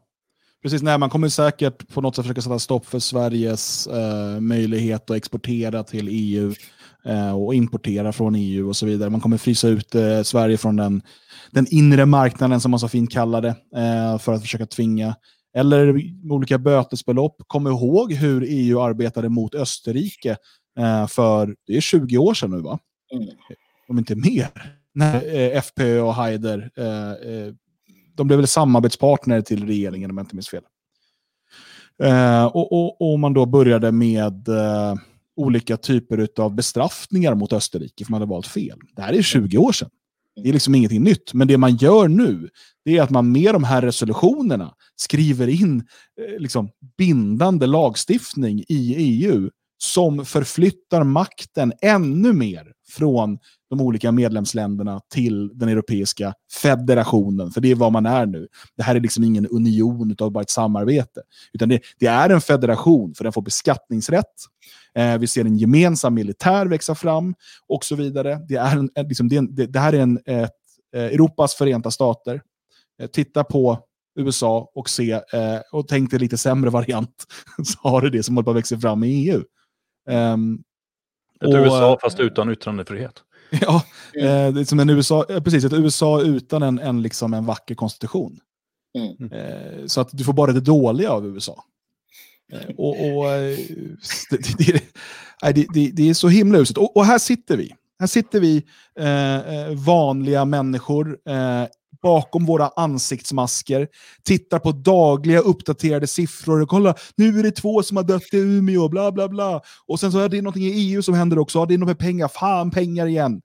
Eh, så passar man på under den här tiden. Passar man på att använda det här som en förevändning för att stjäla ännu mer makt ifrån dels den enskilda människan, dels från medlemsländerna. Eh, och för att ge EU, den, den här stora globalistiska maktapparaten, ännu större muskler, eh, och möjlighet att, att eh, liksom lägga sig i ditt liv. Du sitter kvar bakom ansiktsmasken, är livrädd för det här jäkla viruset som snart kommer komma och döda dig. Oh, och lovar, ja, men visst, men bara ni får bort viruset så, så sitter jag här och lovar och säger kommer inte göra någonting. Jag är det förbjudet att demonstrera nu? Ja, ja visst, visst, jag kommer inte demonstrera. Det är ett virus där ute. Det är där vi är idag. Alltså det, det är som, det, det, ska man göra en film så är det här, alltså, det här dikt, eller vad säger man, verkligheten överträffar dikten. För det här, man hade tyckt att det, det är overkligt, eh, det här om man hade sett det i en film. Men det, det är precis där vi är idag. Sitter som ansiktsmaskbeprydda zombies och kollar på dödssiffror. Det är liksom där vi är. Och, och, ja, medan, så... medan makten flyttar fram sina positioner. Ja, men så måste vi också vi måste ju ändå slå ihjäl några myter som finns. Det är ju, alltså att uh, utan EU så hamnar vi utanför och vi kan inte göra någonting. Um, jag vet inte om, jag tror folk har hört talas om det, men det finns ett land som heter Norge. Eh, som inte är med i den Europeiska unionen. Som um, klarar sig väldigt, väldigt bra. Det fanns ett Sverige innan den Europeiska unionen. EU fanns, Sverige fanns, vi var inte med. Det var inga bekymmer att åka ut i Europa. Eh, ungdomar tågluffade genom Europa sommar efter sommar. Man åkte på språkkurser, folk åkte och jobbade utomlands. Det var inga bekymmer. Det är inga problem just nu att ta sig till, ja just nu är det kanske det, men i normala fall att ta sig mellan Sverige och Norge. Eh, fast det ena är med i EU och det andra inte. Det, det, det, det är sånt nonsens, alltså det, det som påverkar den lilla människan i vardagen som man stöter på förändras inte om vi går ur EU. Därför att det var inga bekymmer innan heller. Man kunde ta sig runt i Europa. Det som hindrade Europa, eller hindrade oss lite grann för, från att ta sig ut i Europa, det var ju kommunismen som eh, höll vissa länder bakom eh, järnridån. Men annars var det ju inga bekymmer att ta sig ut och det gick ju även att ta sig dit till och med. Mm. Så att eh, pratet om att vi skulle vara så inlåsta eller utelåsta ifall vi skulle gå ur är rent skitsnack. Det kommer inte hända, det kommer inte bli så. Vi, vi rörde oss innan också. Jag var ute i Europa flera gånger innan vi gick med i den Europeiska unionen. Eh, det där är rent eh, skitsnack, utan det enda de egentligen har som de kan köra på eh, och som var väldigt starkt kort även i omröstningen där, eller inför omröstningen från ja-sidan, det var ju det här med att vi måste ha fred i Europa. Sverige har varit i fred i flera hundra år. Jag tror att vi hade klarat oss ifrån krig även om vi inte hade gått med där 95. Och vi kommer klara oss även om vi går ur nu. Vi, vi hamnar inte i krig. Nej, och vi har haft passfritt resande med Finland och Norge och Danmark och sådär. Liksom, ja, det, det, det har vi kunnat haft tidigare också. Eh, allt som där går att göra i olika eh, bilaterala över, överenskommelser. Jag vet att vi har en del unga lyssnare och eh, vi har också en del äldre lyssnare som kanske inte kommer ihåg, för att de är äldre, de börjat glömma, hur det lät. Eh, ett av mina favoritargument nämligen för EU-inträdet, jag tror att det här är rätt klipp. Eh, jag vet inte om ni kommer ihåg Nu det ska här. vi gå till journalisten, Publicistklubbens ordförande Anette Kullenberg. Spelar det någon roll överhuvudtaget om vi går med i EU? Jag tror att det blir bättre mackor. Jag vill, du snackar här om gurkorna, men då, om du ska gå in och äta en smörgås på ett vanligt svenskt fik, då ligger det någonting sånt här kladdigt med plast runt om och så inuti ligger det något smetigt, det är lite smör och så är det någon ost. Och det där lägger sig som någon slags konstig moln i magen. Om du åker till EU-länderna så skär de upp färskt bröd. Sant. Så är det olivolja, sen är det färska tomater som de skär upp när man ser. Och så är det en jätteskinka som de skär små skivor. Och sen kommer det fram ett glas vin. Jag pratar om ett vanligt fik. Det här är någonting som skulle kunna påverka de här människorna på kaféerna med sina de här gladpack. Så att de slänger dem. Eh, Mm, så vart det va? känner ni att mackorna blev mycket bättre? Får man, får man vin på fiken nu? Jag vet inte. Alltså, men det är ju det. Du, fick, du får ju inte Oh, vin ja. på fiken. Och de där jävla mackorna ligger ju fortfarande sådär förpackade. Och det Eller hur? Det är fortfarande gladpack i Sverige. Det är fortfarande gladpack. Och Kullenberg, hon död eller kärringen. Ja, Jag vet inte. Men, men ärligt talat, så här. Det där var alltså, alltså på sätt, nu var det Aschberg va, men det där var ändå, hon, var inte någon icke-människa. Utan det här är ändå, Publicistklubben vid den här tiden. Hon är Ja, en viktig opinionsbildare i Sverige också. om man pratar mackor. Men det var ju andra, de pratar vin och de pratar tobak och de pratar allt möjligt. Jag kan förstå till viss del det argument jag hört från vissa, att, att det svenska inrökta ofria systemet gjorde så jävla ont på folk att de därför Eh, gick med eller hoppades på EU som, som till stor del, alltså det var, det kändes som en ganska frihetlig och, och eh, ändå delvis konservativ eh, liksom grej från början, ska vi komma ihåg också. Va? Men jag förstår det, men alltså den här pajasnivån som det ändå var på den här tiden, och jag var inte gammal, va? men jag förstod att det här var en jävla dum idé. Mackor eller inte mackor. Alltså vi trodde vi skulle slippa gladpack, vi fick en plastskatt. Det är liksom där det Och, hamnar. och munskydd. Ja, Ja, det är... eh, Ja. Men jag, Va- va- va- vart är EU på väg då? Vad, alltså, vad, tro- du, du Magnus, du var inne på här att eh, EU kanske liksom redan håller på faller, eh, liksom Brexit och att det är någon typ av desperata sista slag. Eh, håller du med om det, Björn, eller ser du ett starkt EU fortsätta åt det här hållet? Nej, det, Nej, nej, jag håller med. EU är um, på väg uh, käpprätt åt helvete och inte på det sättet att de håller på att bli ett helvete utan att de håller på att försvinna. Eh, Brexit var ju ett starkt exempel men eh, vi kommer se fler. Det kommer att eh, fler länder kommer lämna. Eh, Jag tror att de här, den här sjuårsplanen är ett steg att det kommer vakna missnöje. Man ser i Sverige till exempel nu, det är väldigt många som börjar bli väldigt kritiska, som inte har varit det alls tidigare, till och med alltså EU-förespråkare, som har varit förespråkare sedan vi gick med, börjar nu ifrågasätta vad fan är det som händer. Eh, vi har sett ganska starka uttalanden från Sverigedemokraterna som svängde väldigt nyss och tyckte att de skulle vara kvar och påverka, som nu börjar tala om att eh, vi måste nog börja fundera på om det verkligen är det här vi ska vara med i. Jag tror Sverigedemokraterna kommer vända igen och bli motståndare. De känner vart händer blåser. Kanske fler partier följer med. Jag tror vi kommer få en debatt och kommer debatten, där är det något som Kasselstrand brukar prata om, att får vi väl en debatt om vad EU är, då kommer också eh, väldigt många fler bli kritiska. Just nu så tycker de flesta ingenting och därför så tycker de att vi ska vara kvar. Men börjar folk tänka på vad det handlar om, börjar folk förstå vad det handlar om, då tror jag vi kommer få väldigt många motståndare. Och ja, Sverige det- kanske hinner gå ur innan allting rasar. Kanske, kanske inte, men fler länder kommer lämna definitivt. Och det blir ju så jävla mycket också. Det är det vi måste förstå att det läggs på hög. Du har hela eh, folkutbytesproblematiken. Du har hela genushaveriet. Och som sagt, det har ju redan börjat haverera med, med den här nya gruppen som kommer som vill byta tillbaka. De bytte för några år sedan och nu ska de byta tillbaka och nu är de en ny grupp i det hela. Och, och, och sen så, så svexit på det, den debatten på det. Och, så, och så, så fortsätter det så här. Och det kommer fortsätta eh, med, med nya grejer. Och det blir för mycket för folk. Och det blir kostsamt för folk. Nu, nu kommer det här att kosta. Och sen massinvandringen kostar. Och, och så vidare. Och, och det, det, det, blir för mycket och därför tror jag definitivt som, som AFS har gjort drivit en, en, en, en Svexit-linje. Och jag tror att vi alla ska eh, argumentera mer för det. Låt de här memerna flöda, Svexit-memerna. Eh, låt dem synas och prata med allt och alla om den här eh, idén. Alltså vi kanske borde göra som, som Storbritannien. Uh, och, och dra oss ur det här eländet. Tvinga fram en folkomröstning, titta på politiker hur de beter sig och så vidare. För att jag har, alltså till ganska nyligen så kändes det som att ah, ja, den, den där frågan får, alltså man är så positiv i Sverige så det är hopplöst. Men det kan gå fort va? Det kan gå fort. Och nu tycker jag att vi befinner oss i ett, på ett sluttande plan så tryck på den där snöbollen så, så den rullar av egen kraft till sist. Mm. Ja, nej, jag, jag, är beredd att hålla med. Um, frågan är, för det som blir då, det blir att Storbritannien blir väldigt intressant här att se.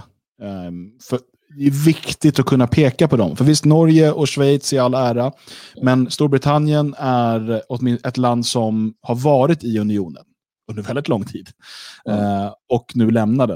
Uh, därför kan vi också räkna med att EU och uh, krafter som, som tycker om EU kommer göra allt för att motarbeta Storbritannien.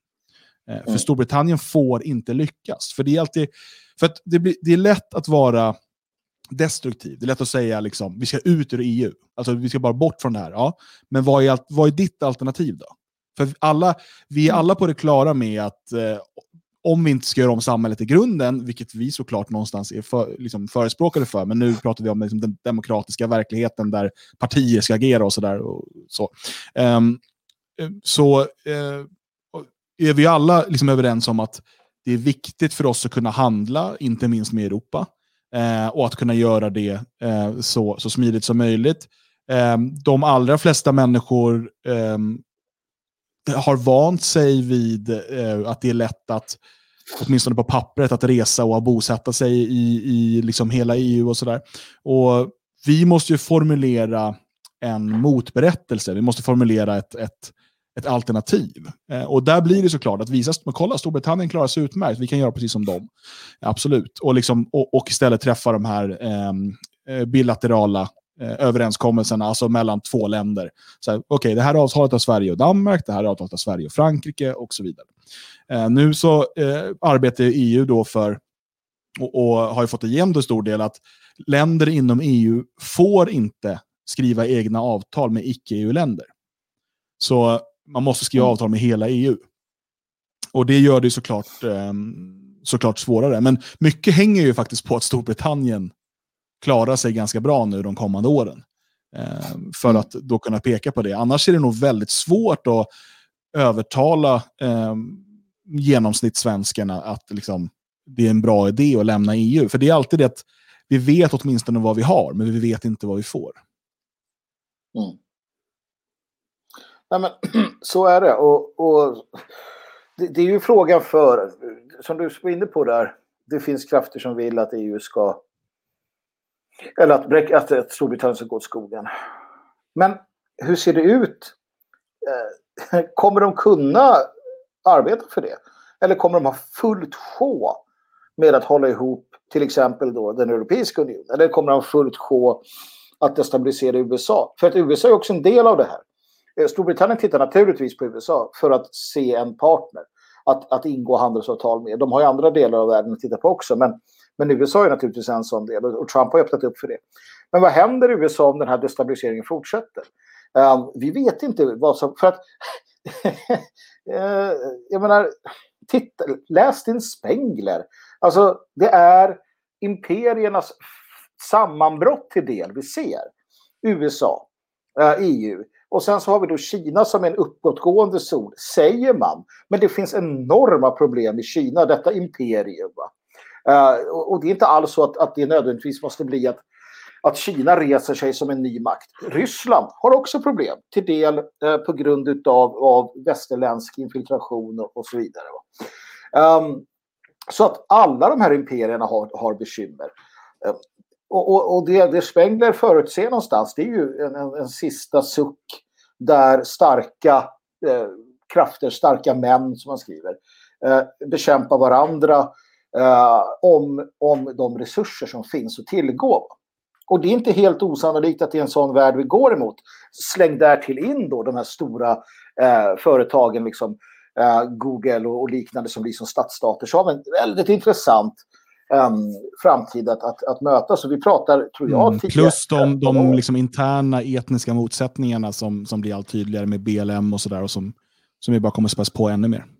Oh ja, oh ja, framför allt de också. Ja. Så att, nej, jag vet inte om, om de kommer kunna. Jag menar, vi ser nu, som, om jag tar USA. George Soros finansierar, och det vet vi, de här protesterna som jag säger finansieras av George Soros. Det vet vi.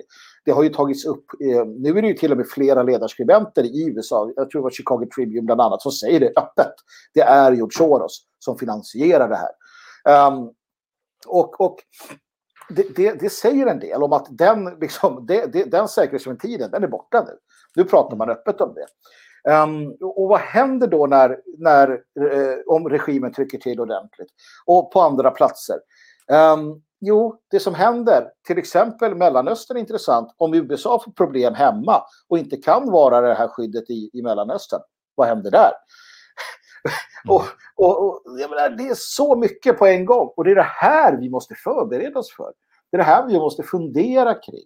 Och se vad, vad är vi i det här?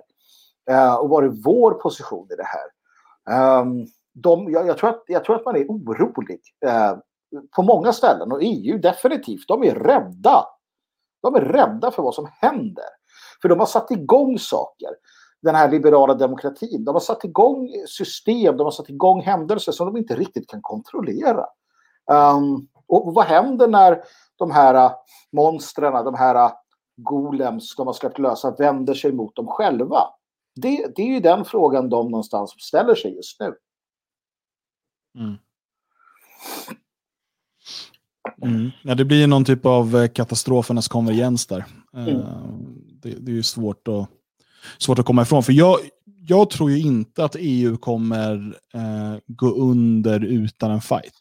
Alltså jag tror Nej. inte att man bara kommer, det kommer inte bara vara en suck. Utan eh, man kommer på ett eller annat sätt eh, Alltså det kommer leda till, till någon typ av krig, krig eller krigsliknande eh, resultat. Um, det finns alldeles för starka Eh, intressen eh, investerade i det här. Eh, för att man bara skulle låta projektet eh, gå under. Och ett alternativ är ju såklart att det bara tar en ny form och ett nytt namn. Och, och eh, liksom börjar om, men, men liksom med mål att komma någonstans åt samma, åt samma håll. Och vi har ju fler sådana här organisationer som visserligen fungerar lite annorlunda, men, men eh, vi ska inte heller glömma bort FN. Eh, som liksom alla de här eh, överstatliga eh, organisationerna som, som utövar en stor makt på, på olika sätt. Där man kan säga att FNs eh, makt kanske är mer mjuk i det att eh, man vill bara hålla sig väl med FN på olika sätt. Medan EU nu faktiskt skriver in i, liksom, i, i sin grundlag, i sin konstitution att eh, man ska ha beskattningsrätt och gemensam militär och allt det här. Ehm, så ja, det, det, finns flera lager av det här eh, som, som vi måste bekämpa. Men jag menar ändå att vi behöver ha ett svar på ett alternativ. Och, och, Där är det ju viktigt att poängtera, som vi har gjort här också, att vi är inte motståndare till ett starkt europeiskt samarbete. Däremot så är vi såklart motståndare till eh, eh liksom centralisering av makten så långt ifrån folken. Och, eh, vi är för ett, ett, liksom ett Europa av eh, fria, fria nationer och makten ska alltid vara så nära den person som berörs av den som möjligt. Det brukar fint kallas för subsidiaritetsprincipen. Och egentligen, vem du än pratar med säger att de är för det. Men det är klart att makten ska vara så nära som möjligt den, den som eh, liksom drabbas av beslutet. Um, men ändå har vi idag åtta av åtta partier i riksdagen som är för att stanna i EU. Um, ehm, och, och de beslut som tas i EU går alltid i riktningen mot att flytta makten längre bort från den som berörs. Uh, och, och, och, på ett sätt så är det, det är egentligen den enda vägen som den här typen av union kan gå. För att det kommer alltid hända saker, vare sig de är liksom, eh, medvetet skapade eller om de sker av naturliga skäl. Alltså vi pratar finanskriser av olika slag, nu har vi en pandemi på halsen. Eh, som gör att man då säger att nu måste vi kliva in. Återigen, det kan vara med liksom man har tänkt att ah, nu har vi chansen, nu gör vi det. Eller att det är en typ av eh, välvilja. Att säga, ah, men fan, nu måste, vi måste se till, kolla Italien, de har träffat jättejobbigt. Jag tror det finns en blandning på vilken av de här personerna du pratar om. Eh, och, och, och, så plötsligt förflyttas makten åt det hållet och så har du eh, kota grodan-syndromet.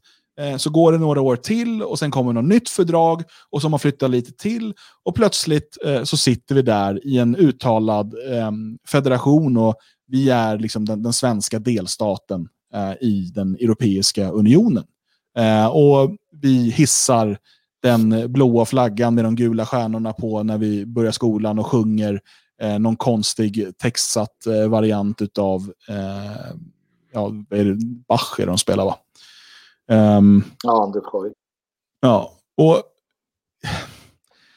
alltså, steg för steg så, så liksom går man eh, mot den riktningen. Och jag ser inte att EU kan, kan gå åt ett annat håll. Eh, jag tror inte på det. Jag tror att vi kan, vi måste riva ner EU eller låta det falla samman, lämna EU. Eh, och sen lägga grunden för ett samarbete vars liksom grundlag eller konstitution eller vad det nu ska kallas för är så tydlig och den får aldrig förändras och där det stipuleras eh, de olika eh, liksom medlemsländernas eller de deltagande ländernas eh, absoluta suveränitet. Alltså det, det, måste vara stipulerat från början i en konstitution eller ett samarbetsdokument som aldrig eh, får förändras. Eh, det skulle åtminstone minska risken för att man gick i den här, i den här riktningen. Mm. Ja, men absolut. Eh, sen ser vi i USA hur, hur konstitutionen som inte får förändras, den förändras inte, men det kommer tillägg till den. så att makten kan mm. göra den vill. Va? Men absolut, man måste ju börja någonstans. jag tycker att vi ska, vi ska ha ett hopp om det här. Och det viktiga är ju det du var inne på, att vi måste ju om inte annat Eh, erbjuda någonting annat, säga att det finns någonting annat. Jag menar, det är lite grann som vi gör med det fria Sverige. Ja, men titta på AB Sverige. Det är ju förskräckligt. Det fria Sverige, det är bättre. Mycket bättre. Är det perfekt? Nej. Inga system skapade av människor kan bli perfekta. Men det är mycket, mycket bättre. Om det fria Sverige skulle ta över AB Sveriges roll så skulle det bli mycket, mycket bättre. Jag kan garantera det. Samma sak så ska vi visa att det finns europeiska samarbeten som är bättre. Mycket, mycket bättre än EU. Vi ska visa på visioner, idéer, som du var inne på Dan, en konstitution eller ett, en, en, en gemensam tanke. Till exempel kanske skulle flera, tänk om olika nationalister i Europa skulle komma ut med en, med en samlad, med, med en gemensam skrivelse. Det här är vad vi som europeiska nationalister står för. Det är det här vi tänker följa. Som är mycket, mycket bättre än vad EU säger. Eh, vi måste våga säga att man ska jobba för ett svexit. Vi måste våga säga det som, och vi var inne på det här med, med Sverigedemokraterna och deras eh, dragning åt det liberala hållet. Eh, där, där, ska vi stå på oss, vi ska säga svexit, vi ska säga att, att det är det som gäller, precis som vi ska säga sanningen i abortfrågan och, och återvandringen och allting. Låt parlamentarikerna parlamentera och så kan vi stå för någonting som är, är bättre. Och jag tror på att den som talar sanning, den som håller sig till sanningen, den som så att säga eh, står på sig i slutändan vinner. Jag tror på den idén och jag tycker att den, den visar sig också historiskt, även om skeendena kan vara långa och det kan vara tröttsamt. Mm. Björn, vad vill du tillägga nu om ditt älskade EU? Mm. Nej, jag satt och funderade lite grann här och jag eh, är ju inne på att EU kommer att rasa. Jag tror att det är oundvikligt. Det är lite eh, romarriket över, även om, om eh, länderna har gått med frivilligt så är vi väldigt olika. Och när man försöker bygga ett land av det eh, så blir olikheterna för stora. Eh, tror jag. Eh, och dessutom så är det byggt på en ekonomi som, som eh, i grund och botten aldrig har fungerat och aldrig kommer att fungera. Så därför så kommer det rasa. Och då måste Sverige redan ha lämnat därför att det är vårt enda sätt att klara oss ekonomiskt, att klara oss eh, helskinnade och rent av stärkta ur det här. Därför att vi har en omvärld som håller på också att gruppera sig på olika sätt. Vi, vi, ser hur Kina, det är en ekonomi som fortfarande växer, den blir starkare och starkare. De håller på att köpa upp Europa just nu och vi funderar mer över andra saker. Eh, framförallt då det här viruset som kom från Kina och börjat spridas väldigt mycket har ju skapat att de har köpt väldigt mycket i Europa under tiden medan vi har legat sjuka eller gömt oss för corona. Um, As, uh, resten av Asien, alltså arabvärlden, kan mycket väl uh, flytta fram steg, några steg framåt i alla fall. Vi har uh, Afrika, en del ekonomier som växer. Jag menar inte att det sitter massa afrikanska människor och bygger ekonomier, utan det är andra krafter som gör det. Dessvärre är det samma krafter som styr USA, samma krafter som opererar inom EU, som opererar i Kina och så vidare. Um, varje ekonomi rasar efterhand. Det är därför man bygger upp nya ekonomier på andra håll i världen. Så att de kan stegra och sen rasa medan någon annan samtidigt håller på att byggs upp. Så att EU kommer att rasa, definitivt. Den här ekonomin kommer att uh, falla sönder helt och hållet. Om Sverige då är utanför, så kan vi, ungefär som efter andra världskriget när vi hade en levande industri, vi hade en stark ekonomi som växte och blev oerhört stark därför att resten av Europa låg i ruiner. Då kan Sverige marschera framåt extremt starkt, om det nu är ekonomiska argument man ska föra fram och det är tydligen det som biter hårdast på människor. Vi måste lämna EU för att kunna klara oss den dag EU rasar och det kommer att rasa. Om det sedan sker om 10 år eller om 30 år, det, det, är ganska osäkert just nu, men det kommer att rasa och väldigt, väldigt sannolikt under vår livstid. Mm. Så ja, det jag vill ha sagt, det är ju att vi, vi måste lämna den här unionen. Sen absolut titta på att bygga alternativ, men vi måste ut ur den här så fort som möjligt. Mm. Ja, alltså ett typ av alternativ som, som vi liksom bygger i, i någon typ av periferi just nu, det är ju såklart med Europa Terra Nostra och försöka bygga nätverk mellan europeiska nationalister. Och det är just, det är just med tanken på att eh, EU kommer falla eh, och man kommer försöka Eh, på olika sätt att ställa europeisk, europeer och europeiska nationalister i synnerhet mot varandra. Man kan se det, den här debatten nu efter den senaste eh, budgeten. Då, då, då, då, jag ser flera svenskar som, jag, som liksom, de är väl typ sverigedemokrater och sådär på Twitter och liknande, som kommer med väldigt så här, fula utspel om italienare, och spanjorer och greker och vilka värdelösa folk de är och de bara ska ha massa bidrag och pengar och de jobbar inte och bla bla bla, allt det här. Som att det vore liksom den enskilda italienaren som, som liksom är vår fiende på något sätt. Eh, alltså, fienderna är ju eh, makthavarna i Bryssel och på andra ställen som, som tvingar på oss den här globaliseringen och det här ekonomiska systemet som, som liksom i sig själv är liksom gjort för att implodera.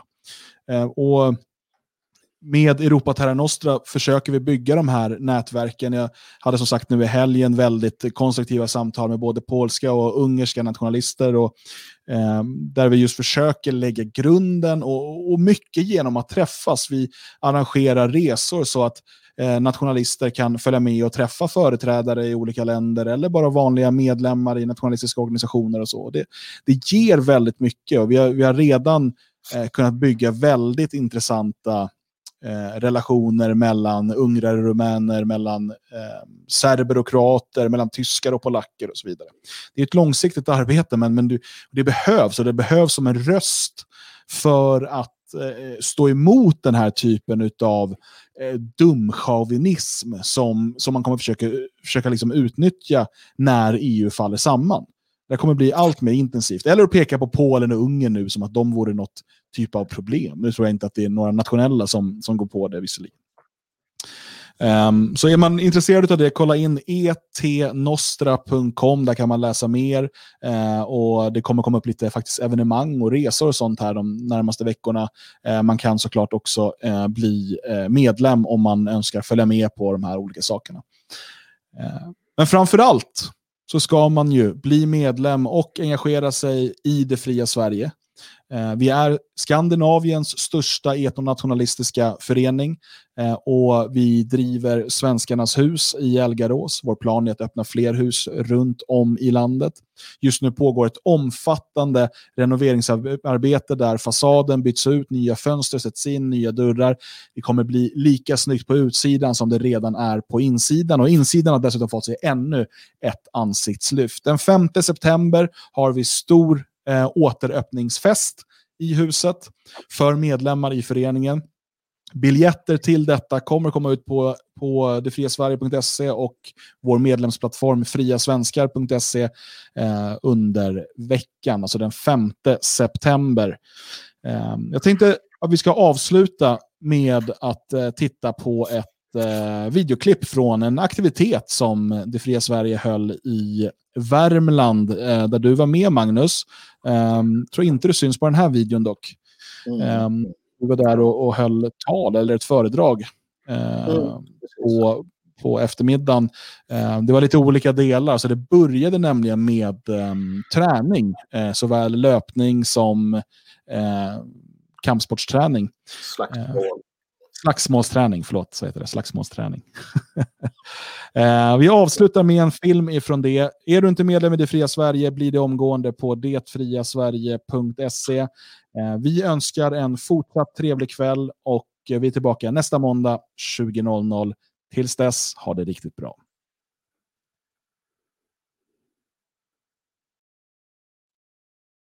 Vi kör den utan ljud.